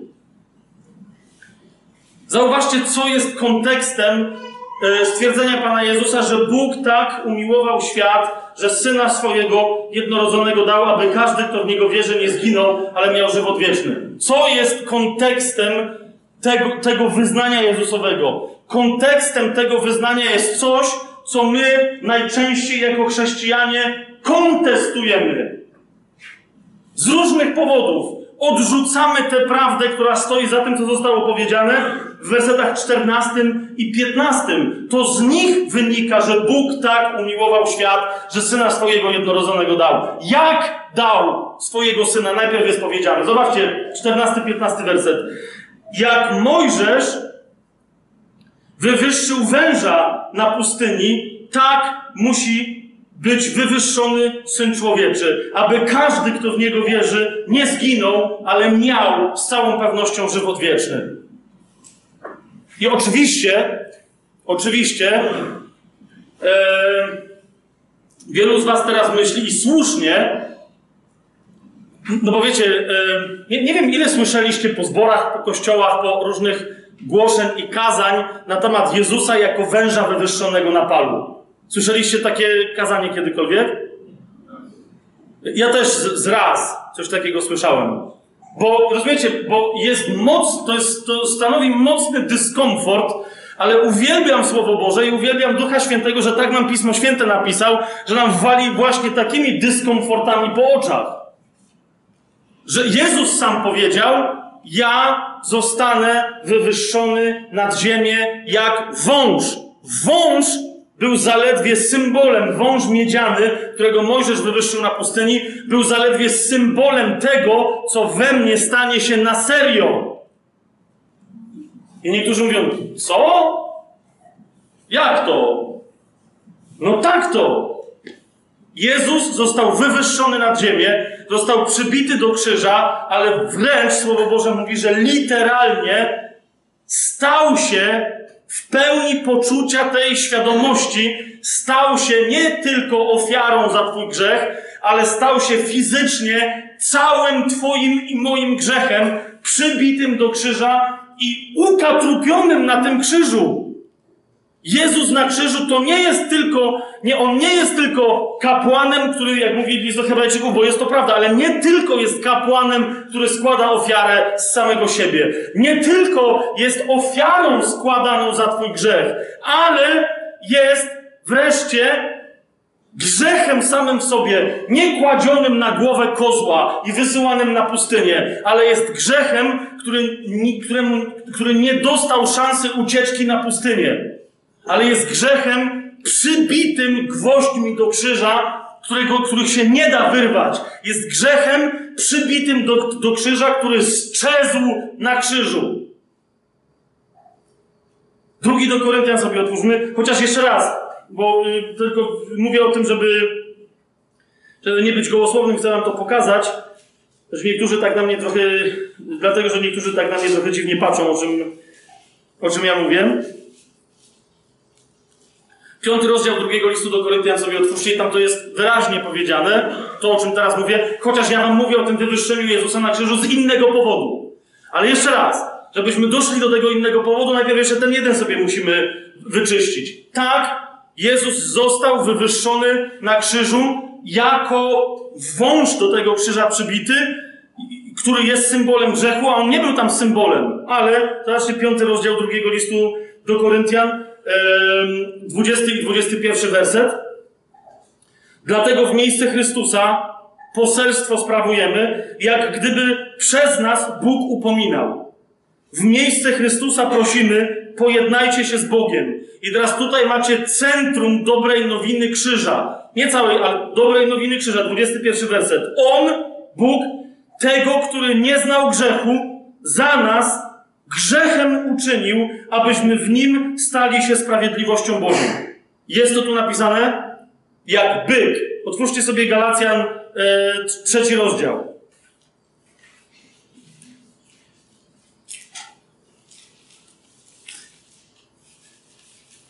Trzeci rozdział Galacjan, trzynasty werset.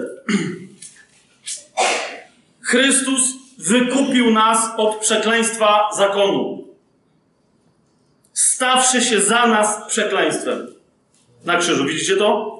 Galacjan 3:13. Chrystus wykupił nas od przekleństwa zakonu, stawszy się za nas przekleństwem, gdyż napisano przeklęty każdy, który zawisł, zawisł y, na drzewie. List do Kolosan sobie otwórzcie.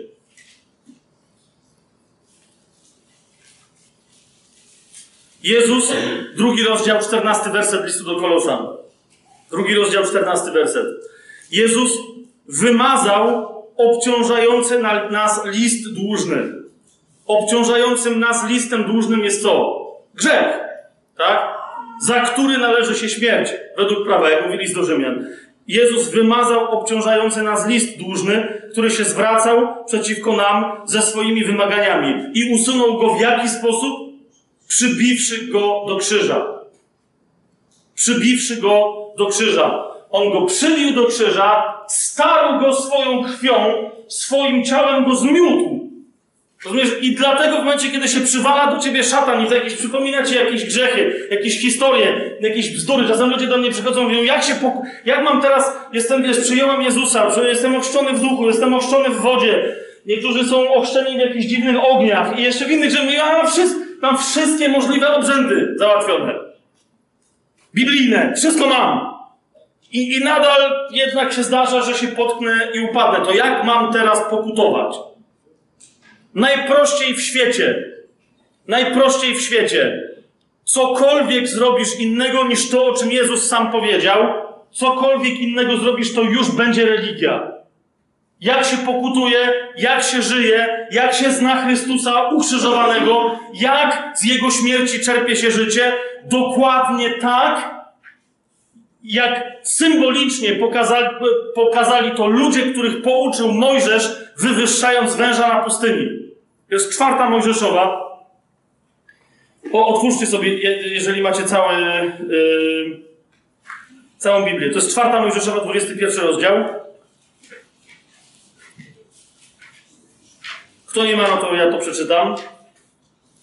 Czwarta Mojżeszowa, 21 rozdział.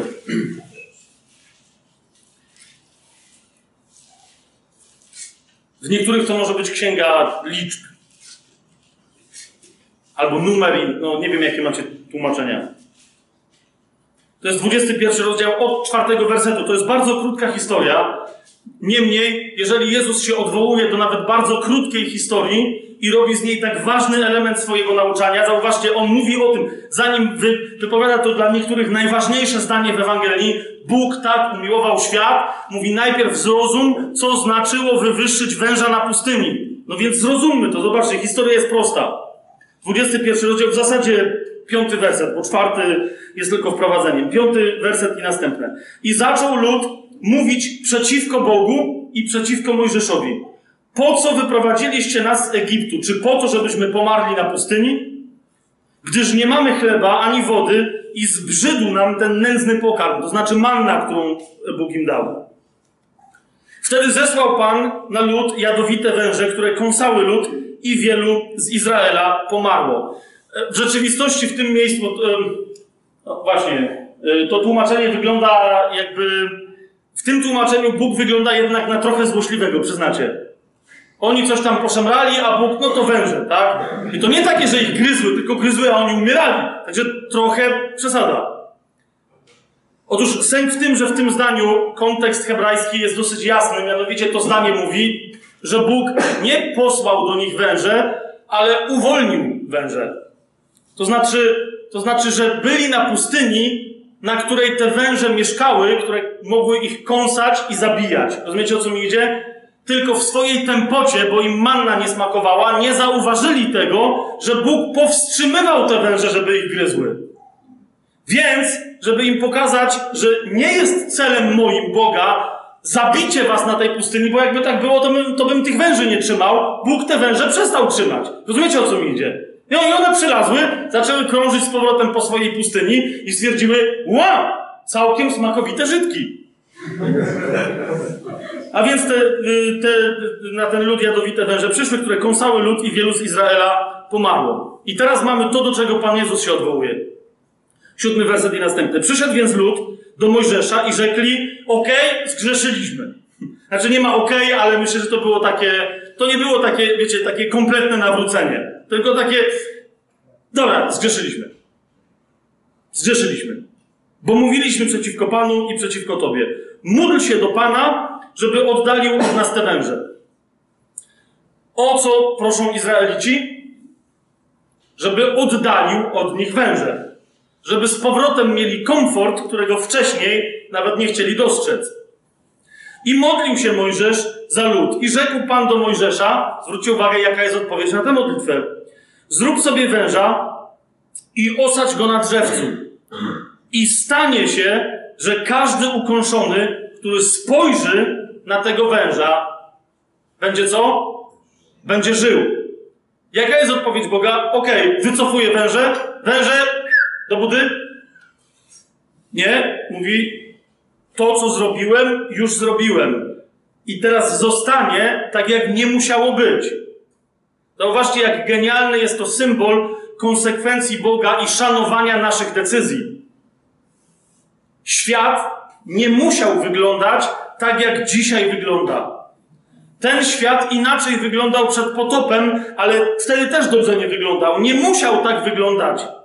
Ale świat wyglądał, jak wyglądał przed potopem, i świat wygląda tak, jak wygląda dzisiaj, w konsekwencji tego, że nasi rodzice zbuntowali się w pierwszym świecie i go zepsuli swoją decyzją, którą Bóg uszanował. Bóg nas nie przywrócił ani na etapie przed, ani po potopowym, nie przywrócił nas do Edenu, wypuściliśmy węże i one już krążą. I one nadal krążą.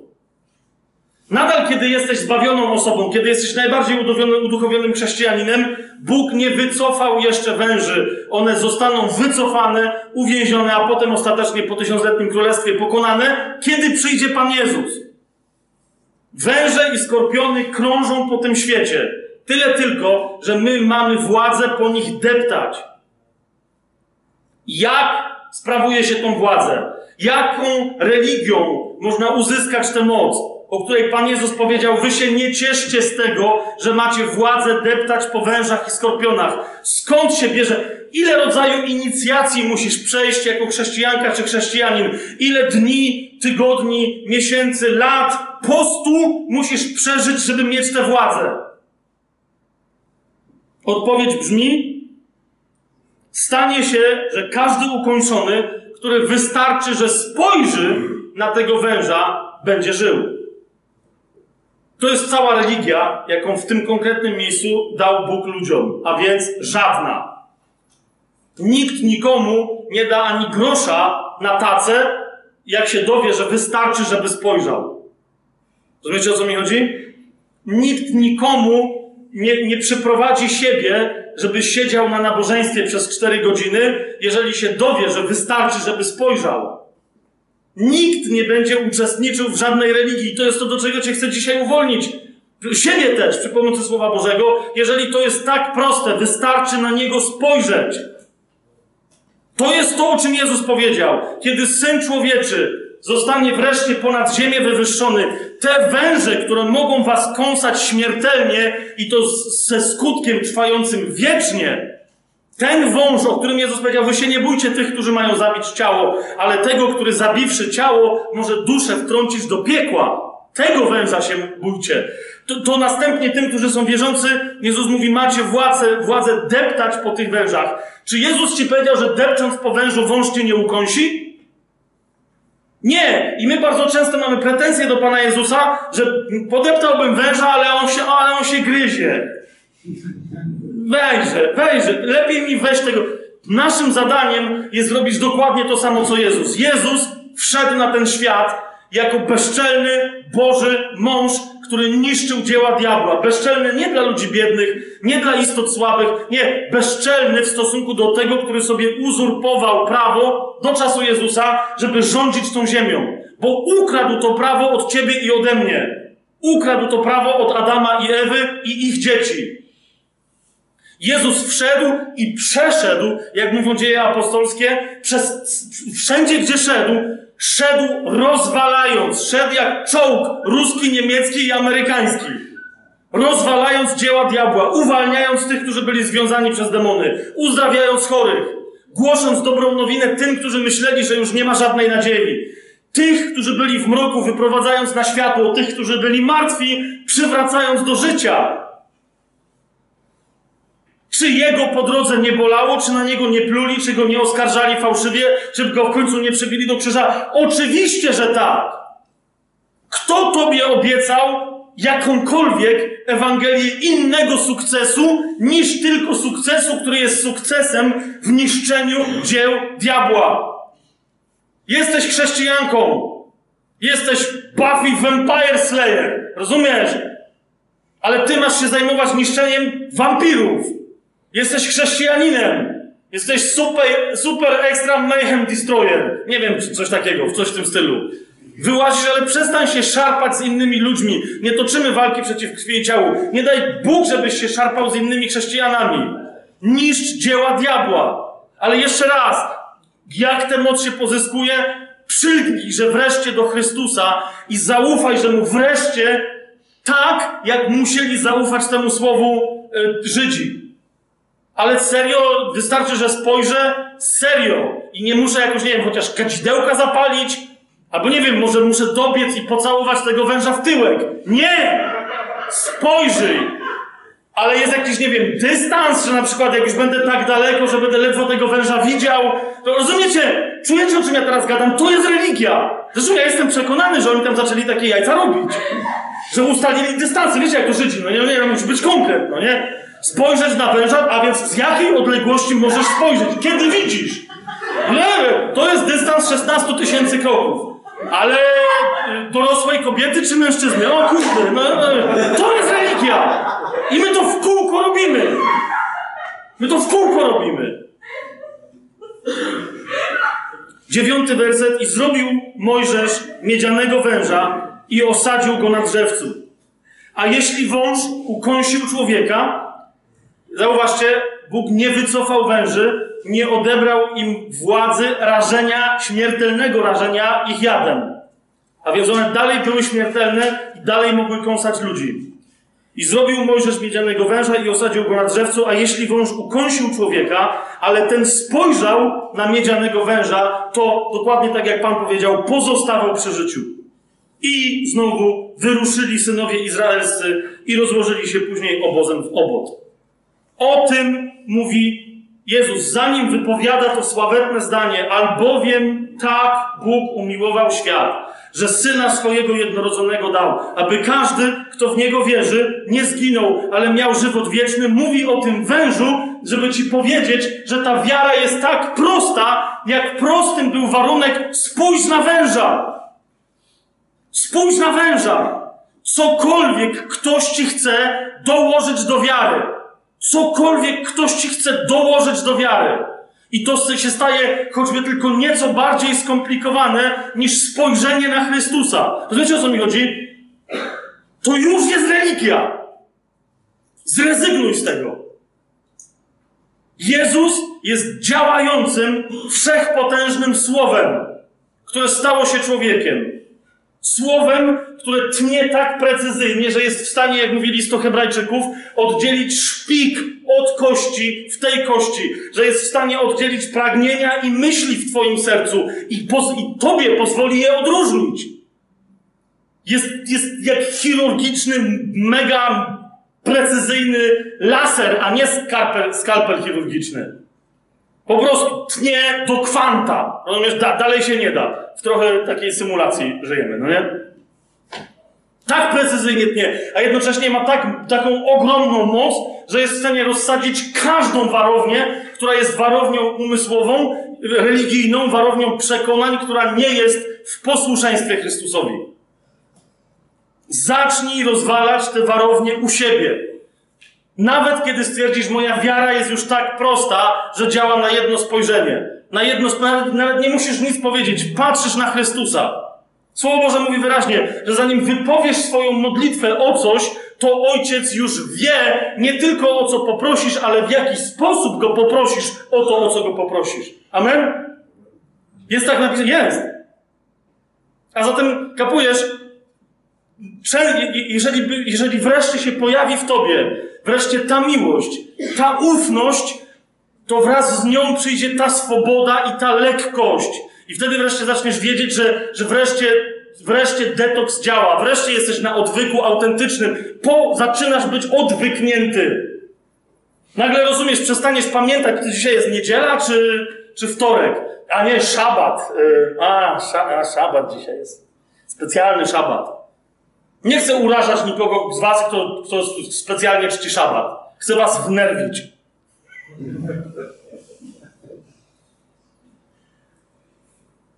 Ale to chociaż, y, chociaż koszerne to jesz, nie? Nie, nie jem.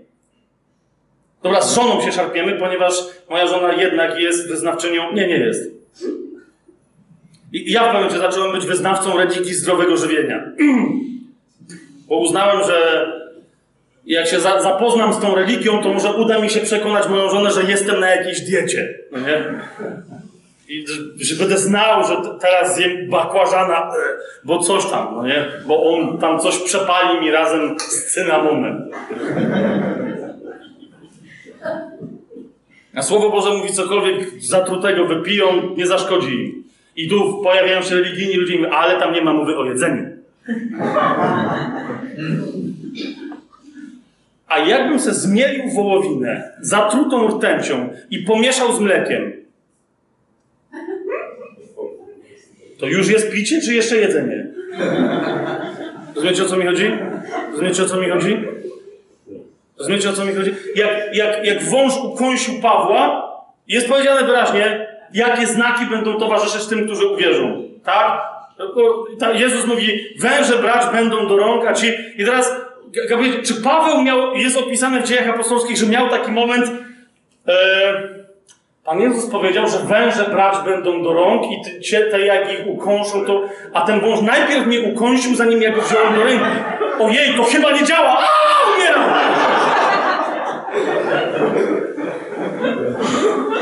Po prostu wziął go, wypalił, no ale idziemy dalej, no nie? Ale ludzie religijni zrobili z niego Boga. Od razu. Mówią, ło, człowieku! Myśmy myśleli, że, przy, że to jakiś straszliwy grzesznik, bo tam się cały statek rozwalił, a tu najwyraźniej to oni byli grzesznikami, bo nie słuchali tego Boga, którego ukąsił wąża, żyje. I my się cały czas z tych dziwnych, religijnych ludzi śmiejemy, a jeszcze raz, jeszcze raz i jeszcze raz ci mówię, przestań śmiać się z religijnych ludzi dookoła ciebie, bo za każdym razem, jak oni cię śmieszą, to znaczy, że w tobie jest coś znacznie bardziej debilnego. Gdy chodzi o religię. Człowiek, który się wreszcie uwolnił od religii, a zaczął żyć w duchu, mocą Chrystusa, ani przez moment nie będzie się śmiać z ludzi religijnych, ale będzie tylko i wyłącznie cierpieć nad ich zniewoleniem i zrobi wszystko, żeby ich uwolnić, bo sam wreszcie poczuje słodki smak absolutnej wolności w Chrystusie. Amen? I wybiła dwunasta. Ponieważ wczoraj przeciągnąłem o półtorej godziny, czy coś w tym stylu, to dzisiaj, jeszcze, bo jeszcze mamy chrzty, to tylko, kochani, na koniec jeszcze raz chcę Was zaprosić do modlitwy. Wizja. O, wizja.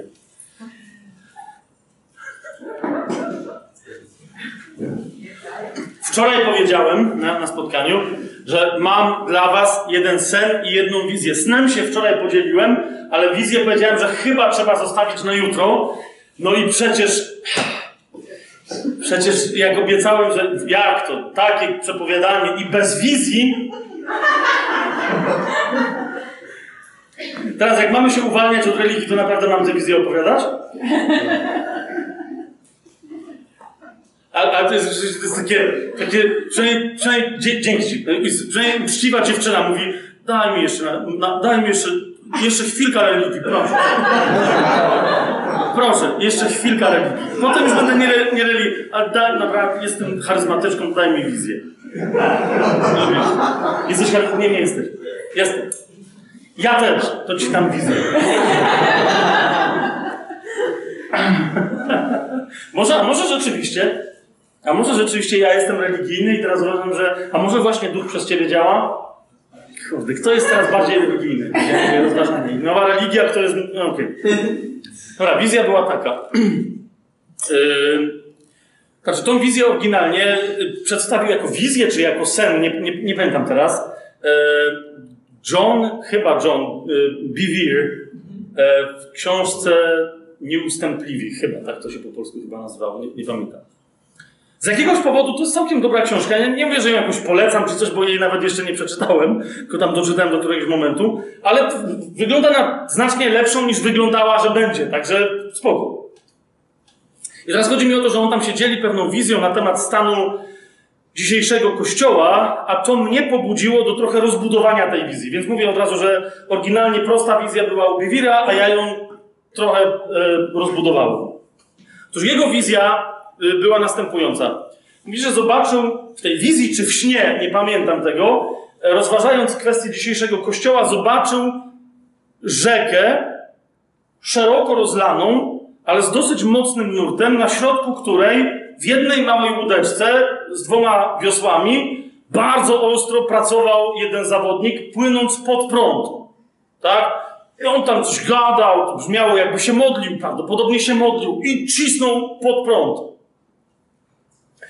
Natomiast w drugą stronę, co i róż obok niego, przepływały imprezowe katamarany, wiecie, ekskluzywne jachty, inne jakieś tam łodzie, ale gdzie ludzie zasadniczo coś tam robili, bawili się, tańczyli. Wielu z nich zwracało uwagę na tego jednego zawodnika i się z niego śmiali. Się pukają człowieku, przecież wiesz, nie? Nieistotny jest kierunek, tu, a tu wiesz, tu, tam się wysilasz, tam nic nie ma, my stamtąd płyniemy, a ty, wiesz, tam walczysz, co ty tam chcesz odkryć, a w tą stronę wiesz. Masz energię, darmową energię. Tesla, że tak powiem. Jedziesz. I śmiali się z niego, że tak walczę. I teraz w pewnym momencie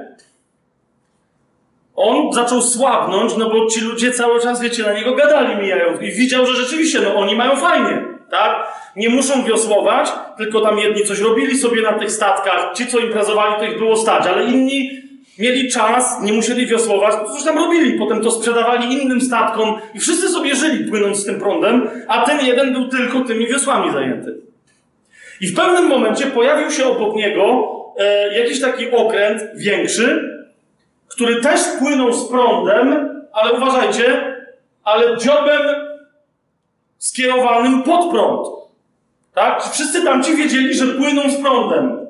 Ten okręt był odwrócony, tak jak jego łódka, ale nikt na tym okręcie nie pracował, nikt nie działał z żaglami, tak? Tylko wszyscy de facto płynęli z prądem jak cała reszta tego świata. No bo już rozumiecie, że wizja ludzi płynących z prądem to jest wizja świata. Tak? I teraz oni lekko tak przycumowali do tego walczącego pojedynczego zawodnika i mówią, przyjacielu, co ty robisz? Nie, wiecie, nie zaatakowali go na zasadzie ej, jesteś debilem, my tu, co... Nie, tylko oni mieli, on mówi, ja was nie słucham, bo wy płyniecie z prądem. A, a co oni mu odpowiedzieli? Ale przecież my jesteśmy nawróceni, tak samo jak ty, zobacz. Jesteśmy nawróceni w tą samą stronę, co ty. I on wtedy zaczął ich słuchać i mówi, o, rzeczywiście, to ja nie zauważyłem. I oni mu zaczęli mówić, zobacz, widzisz, można być nawróconym, ale można też bez przesady się nie wysilać. Daj spokój. I on do nich wsiadł, do tego okrętu i stwierdził, no rzeczywiście, zwłaszcza, że padło słowo kluczowe, to już ja teraz od siebie dodaję, ale jestem przekonany, że go przekonali słowem kluczowym, mianowicie powiedzieli mu, posłuchaj, Kościół, ty jesteś sam. Co ty sobie wyobrażasz? A tu jest, wiesz, społeczność. My cię wesprzemy, my dzielimy wszystkie twoje poglądy. I on tą łódeczkę przypiął do tego ich okrętu, wsiadł do nich, no i oni wtedy podciągnęli kotwicę i zaczęli spływać z nurtem, tak jak wszystkie pozostałe okręty. Tam jakie jest wyjaśnienie Bivira na ten temat, to sobie możecie tę książkę otworzyć i tam zobaczyć. Według mnie tam trochę namieszał, bo on tam zaczął kombinować, że łódka to jest coś tam, a wiosła to jest łaska, a praca mięśni to jest nasza odpowiedź, a. No, Okej. Okay. Mnie tylko w tym wszystkim uderzyła jedna rzecz. Że ciało Chrystusa nie jest w żaden sposób siatką nawet najlepszych ludzkich relacji. Nigdy i pod żadnym pozorem.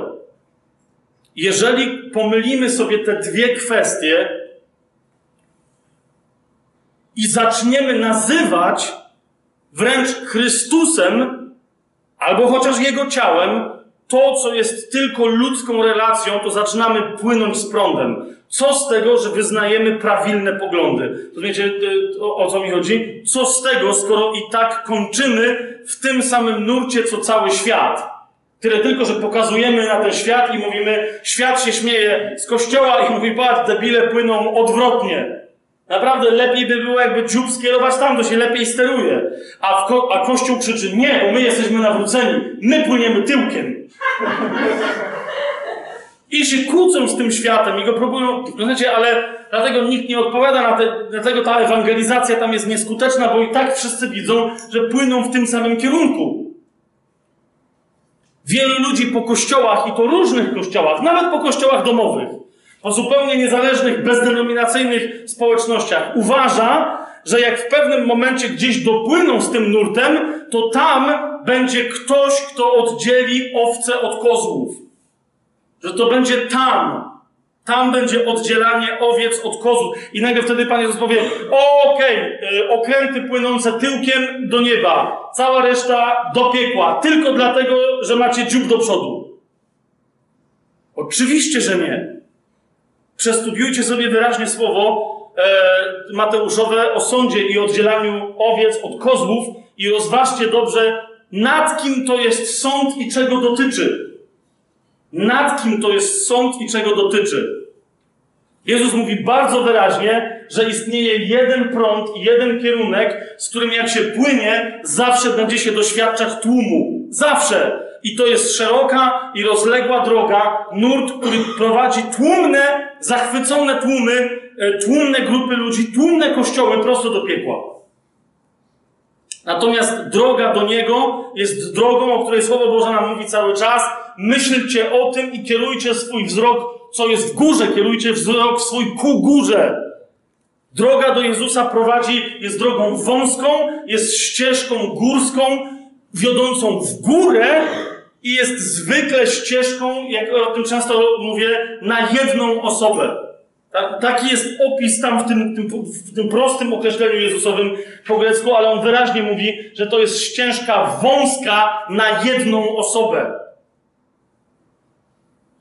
Nie da się iść nawet za rękę do nieba. Małżeństwa bardzo mi przykro z tego powodu. Ale pamiętajcie, że, że y, nawet małżeństwo jest misją daną wam od Boga. To, to nie, to twoja żona nie jest twoją kulą, bo ty nie jesteś kulawy, a ona nie jest podpórką. Twój mąż nie jest twoim kijem, bo ty nie jesteś bluszczem i się nie masz na co wspinać. Razem Bóg was, ze, rozumiesz, Bóg wam dał być ze sobą, ponieważ z jakiegoś powodu uważa, że wy razem jesteście w stanie dobrze sobie nawzajem w swoich misjach pomóc. Ale dlatego też małżeństwo trwa do śmierci. Czyli wobec wieczności tyle. Tyle. Inne twoje zaangażowania w życiu mogą trwać dłużej niż twoje małżeństwo. Wiecie o co mi chodzi? A masz jedno zaangażowanie, jedną relację, która jest relacją absolutnie miłosną, która nigdy nie przestanie istnieć, i to jest Twoja relacja z Twoim Stwórcą, z Twoim Ojcem w Jezusie, na mocy tego wszystkiego, co Ojciec i Syn robią w, tobą, w, w Twoim sercu i dla Ciebie przez Ducha Świętego. A zatem, jeszcze raz, najważniejsza jest pamięć, że ciało Chrystusa to jest relacja, jaką my mamy z Chrystusem. Nie znamy już nikogo od tej pory według ciała, drugi list do Koryntian, ale znamy tylko i wyłącznie Chrystusa. Co z tego, że masz do kogoś naturalną ciągotę, sympatię, że ktoś ci się podoba, jakaś grupa. Jeżeli Bóg, jeżeli Chrystus ci powie, potrzebuję cię, żebyś się przeniosła teraz stąd tam, ale ja nienawidzę tamtych ludzi, ale ja ich kocham. Czy ty mnie kochasz? To jest to, co powinno ciebie interesować. I na tym polega płynięcie pod prąd. I na tym polega to bycie samotnym w tej łódeczce. Kościół to nie jest żaden wielki okręt, na, którym, na którym siedzą ludzie i coś tam razem debatują. Kościół to jest flotylla piracka ludzi pływających na małych łódeczkach, ale super, hiper, mega agresywnych. Ok? To jest flotylla ma- małych mrówek, buletówek, jak one się tam nazywają. To, to jest flotylla pojedynczych ludzi, którzy wiedzą, że jeżeli kiedyś trzeba będzie się zmierzyć z wrogiem i nie dadzą rady sami, to Chrystus o tym będzie wiedział z wyprzedzeniem i postawi po, twoje, po, po, twoim, po twojej prawej i po twojej lewej stronie po 50 innych wojowników i wojowniczek. Ty nie musisz się martwić organizowaniem Armii Bożej. Ty nie musisz się martwić, czy wojownik, który stanie po twojej prawicy, rozumiesz, czy możesz mu zaufać. Martw się o swoją relację z Chrystusem, a wtedy, jeżeli ona będzie genialna i bliska, Chrystus postawi obok ciebie kogoś, kto będzie tak samo mu ufać, jak ty Chrystusowi ufasz. Łapiesz o co mi idzie? Kogo bardziej zaufanego możesz mieć po swojej prawicy i po swojej lewicy w walce o królestwo, jak tylko ludzi, o których wiesz, że Pan kocha ich tak samo jak ciebie, a oni kochają Pana tak samo jak ty. Jeżeli ty dzisiaj nie masz pewności co do tego, jak kochasz Pana, to się nie dziw, że nie ufasz innym ludziom. Bo podskórnie myślisz, że oni pewnie też mają taki sam problem. A więc jeszcze raz, wróć do swojej relacji z Ojcem. I przestań narzekać, że jest trudno, że cię węże kąsają i że jest trudno wiosłować pod prąd. Pewnie, że jest trudno, to się w pewnym momencie skończy. Ale jak to się skończy, to wtedy będziesz żałować, że kurde, mogłem jeszcze przyharatać więcej. Ci z was, którzy robili różne rzeczy, nie wiem, pakowali, sztukami walki się zajmowali, muzyką się zajmowali, tego typu rzeczami. W momencie, kiedy dochodzi do jakiegoś, wiecie, walki w klatce, nie wiem, koncertu i ktoś gra na gitarze, wtedy bardzo często przychodzi y, takiemu człowiekowi do głowy, mogłem jeszcze więcej poćwiczyć. Nie mam, wie, wiecie o czym mówię? Nie mam takiej pewności na łapie. Nie mam, jak kiedyś grałem na gitarze w zespole metalowym, miałem takie długie włosy i ja... I byłem cienki, no nie? Zwykle lepiej dałem miapę do mikrofonu niż tam ten. Zwłaszcza, że jak się tak rzucałem, to sobie nie trafiałem, te riffy moje były nędzne, no nie? Ale i tak perkusista Cyrus grał tylko czwórkę, nic więcej nie umiał, więc to, to był nędzny zespół. To był nę, nędzny zespół. Ale mimo tej naszej nędzy i nazywaliśmy się Momenty Jabola.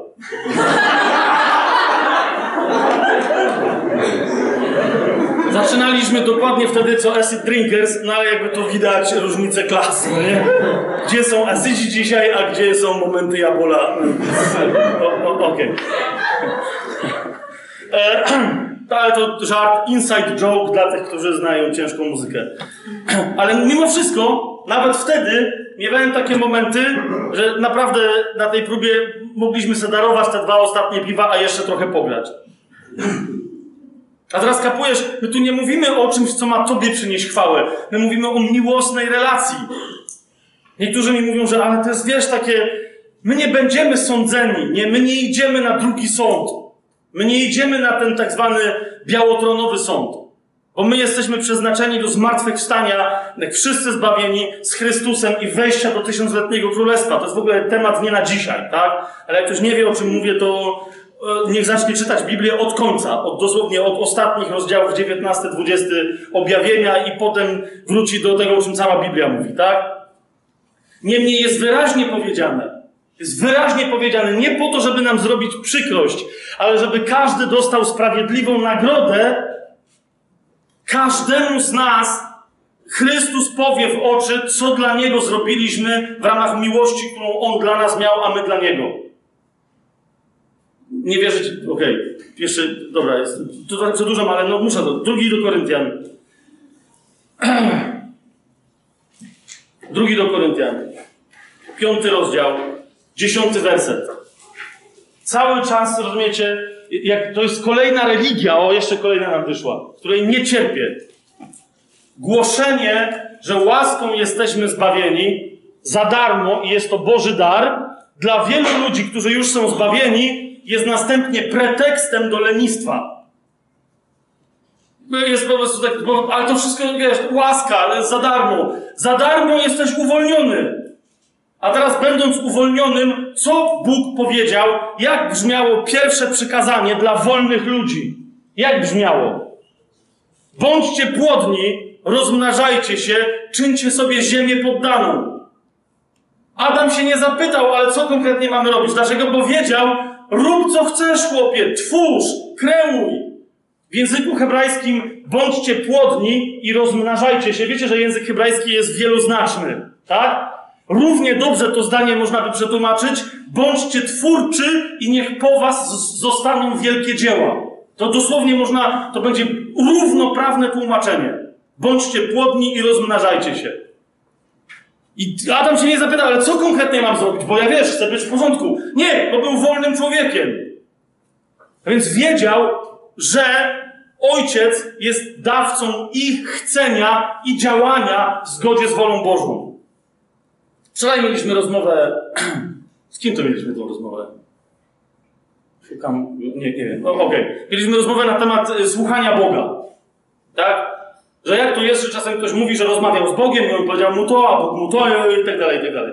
Ja czasem tak mówię, przyznaję się, ale też jednocześnie nie zawsze potem to wyjaśniam, ale teraz mam okazję, to wam wyjaśnię. Ja czasem tak mówię, że rzeczywiście gadałem z Bogiem i powiedziałem mu, że to, a on to, a on to. Ale najczęściej, a no tutaj się nie, E, ale najczęściej to jest tylko pewien skrót myślowy. Tak? To nie jest tak, że ja, znaczy ja coś mówię Bogu, a potem mi się wydaje, że on raczej powiedział coś takiego niż coś innego. Tak? Ale skąd wiem ostatecznie, że jednak coś Bóg powiedział?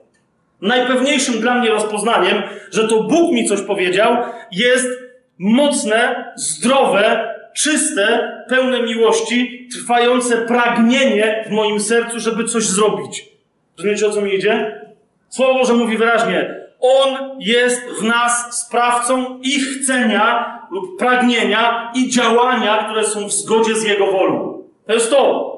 Najczęściej, jak mówimy komuś, to mówi Pan, to jest tylko nasze tłumaczenie z języka ducha. Duch mówi natychmiastowo, daje ci na, natychmiast cały przekaz. A jeżeli go nie rozumiesz, to on go powtarza, powtarza, powtarza. I najpewniejsze rozumienie głosu Bożego to jest to, że w tobie narasta, powiedziałbym wręcz, nabrzmiewa potrzeba, żeby coś.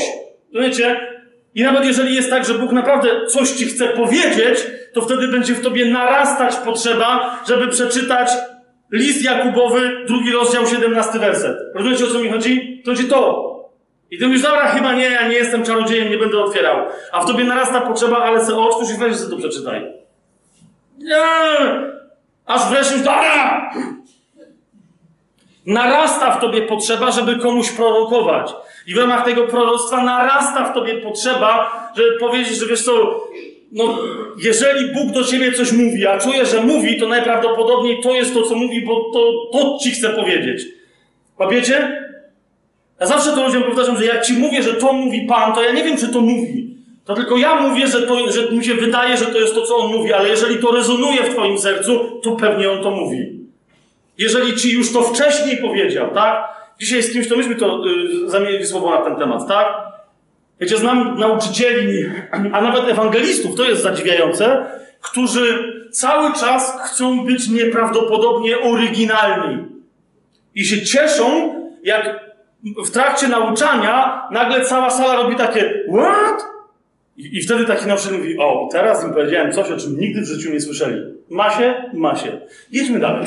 E, I teraz, to jest fajne. To jest fajne. Ja- przez lata lubiłem coś takiego, że nagle błysnąć i nagle jest takie, wiecie, takie... Dobra, nie, to jest nie, niewłaściwe słowo mi przyszło, ale jest takie, takie głowie wszyscy mają, że o, o, a żeś teraz normalnie miazga. Człowieku, zmiażdżyłeś system. Super.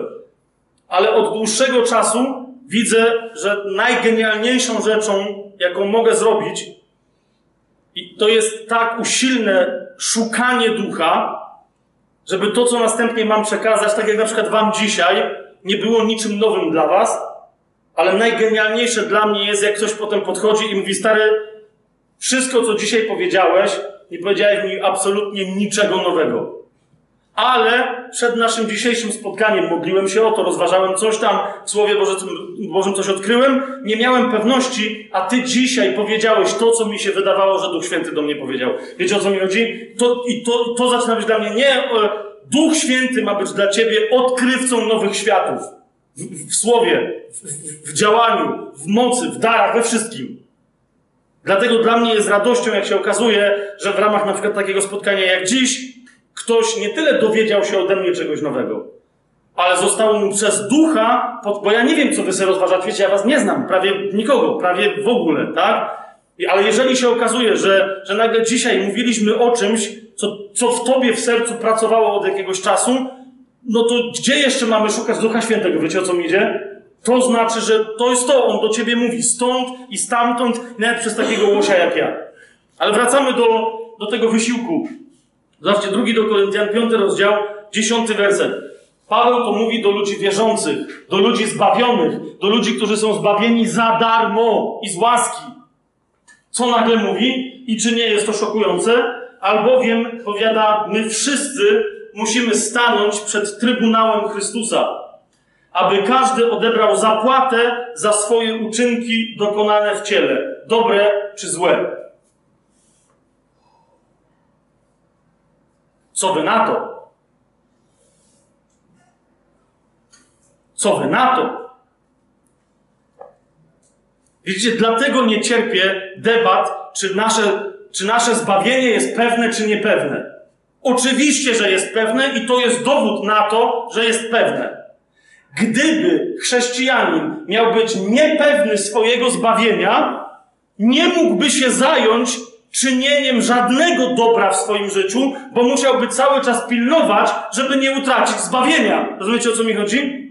A tymczasem Biblia mówi wyraźnie: za darmo Pan daje ci wolność. Tą wolnością jest powrót do bycia sprawiedliwym w oczach Bożych. I masz to gwarantowane, nawet jeżeli później poślizgnie ci się noga, to Chrystus umarł za wszystkie Twoje grzechy sprzed Twojego nawrócenia i nie daj Boże, ale jeżeli, to także i po Twoim nawróceniu. On umarł za wszystkie Twoje grzechy i przybił do krzyża zapis dłużny każdego z Twoich grzechów. Dlaczego? Bo umarł za Ciebie, nawet kiedy Cię jeszcze nie było na świecie, grzeszniku czy grzesznico. Po prostu. Ale teraz po co umarł? Żeby ci zapewnić zbawienie, o które teraz ty od tej pory będziesz dookoła niego tańczył, jak dziki szaman na Syberii, żeby czasem od ciebie nie odeszło? List do Efezjan sobie zo- zobaczcie. Wczoraj żeśmy też o tym wspominali, ale tak oczywisty werset. Jak wielu ludzi, którzy debatują o zbawieniu, mówi o tym wersecie. Drugi rozdział, ósmy werset i dziewiąty, a potem jest jeszcze dziesiąty werset. Albowiem, to jest drugi rozdział, ósmy werset, ale następny. Albowiem łaską jesteście zbawieni przez wiarę. I nie jest to z was, ale jest to Boży dar. Nie pochodzi on z uczynków, żeby się nikt nie chlubił. Zbawienie od konsekwencji Twojego grzechu. Zbawienie od, kto raz jednym, jedny, jedynym grzechem przekroczył prawo, temu należy się śmierć. I to, w tym sensie masz zbawienie, masz wolność. Jezus powiedział, kto we mnie wierzy, nie idzie na sąd i nigdy nie umrze, ale będzie żyć wiecznie. Amen? Amen. Ale w momencie, kiedy przyjmujesz zbawienie, to co się od tej pory ma dziać? Twój taniec chocholi dookoła tego, żeby to zbawienie utrzymać aż do śmierci fizycznej? Twoja śmierć fizyczna de facto dokonuje się w chrzcie. Jak cię zanurzają pod wodę w imieniu Jezusa, to to jest twoja decyzja na fizyczną śmierć. Chrześcijanin, który wreszcie zaczyna żyć swoim chrztem wodnym, ten chrześcijanin zaczyna doświadczać czasem gwałtownego uwolnienia od lęku przed śmiercią. Dlaczego? Bo im bardziej jest świadomy, że już umarł, to wie, że człowiekowi pisane jest ile razy umrzeć. Raz! Koniec! Jeżeli już umarłem, to żyć będę. Po co? Dziesiąty werset ci mówi po co. Jego bowiem dziełem jesteśmy, stworzeni w Chrystusie Jezusie do dobrych uczynków, do których przeznaczył nas Bóg, abyśmy w nich chodzili. Kto jest w stanie pełnić jakiekolwiek dobre uczynki? Tylko i wyłącznie ten, kto nie musi ich z żadnych innych powodów czynić. Tylko i wyłącznie sprawiedliwy może czynić dobro. A więc ten, kto jest zbawiony przez swoją wiarę w Chrystusa, kto został wypełniony łaską. Jasne to jest? I tyle. Zostaw już ten temat. Jeżeli kiedykolwiek on zacznie do ciebie powracać, po prostu spójrz na krzyż. Tam nawet węża nie ma, bo on zniknął. Wąż twojego grzechu został tam przybity, zdechł i skrzezł. Krzyż jest pusty. Jak przeszedłeś przez ten krzyż, albo przeszłaś i stoisz po drugiej stronie, to ten krzyż dla ciebie jest drzewem życia. Przestań się odwracać i, i patrzeć, gdzie znowu stoi drzewo poznania dobra i zła, ponieważ to nie jest filozofia Twojego życia. To jest filozofia każdej religii, która mówi, że jak będziesz czynić dobro, a unikać zła, to będziesz zbawiony. Ty jesteś zbawiony, to znaczy, że dzięki temu, że jesteś zbawiony czy zbawiona, żyjesz i od tej pory Twoim jedynym zadaniem jest żyć coraz pełniej, coraz obficiej, w coraz głębszej radości. Ja przyszedłem po to, żeby owce miały życie i żeby je miały w obfitości, tak powiedział Pan Jezus? A nie, ja przyszedłem po to, że dobre uczynki są uczynkami Twojego życia. Dobre uczynki to są uczynki, które niszczą śmierć, a budzą do życia, które niszczą chorobę, a przywracają zdrowie, które wyrywają serce kamienne z tych, którzy je jeszcze mają, a dają im doświadczyć bicia w klatce piersiowej serca mięsistego i żywego. To jest to. Dobre uczynki dlatego nie są opisane w Biblii konkretnie w Nowym Testamencie, jakie to są, ponieważ Twoje dobre uczynki nie są dobrymi uczynkami innych ludzi. To, co Tobie Bóg pokazuje, że jest ścieżką życia, kiedy już jesteś osobą zbawioną, to nie jest ścieżka życia innej osoby zbawionej.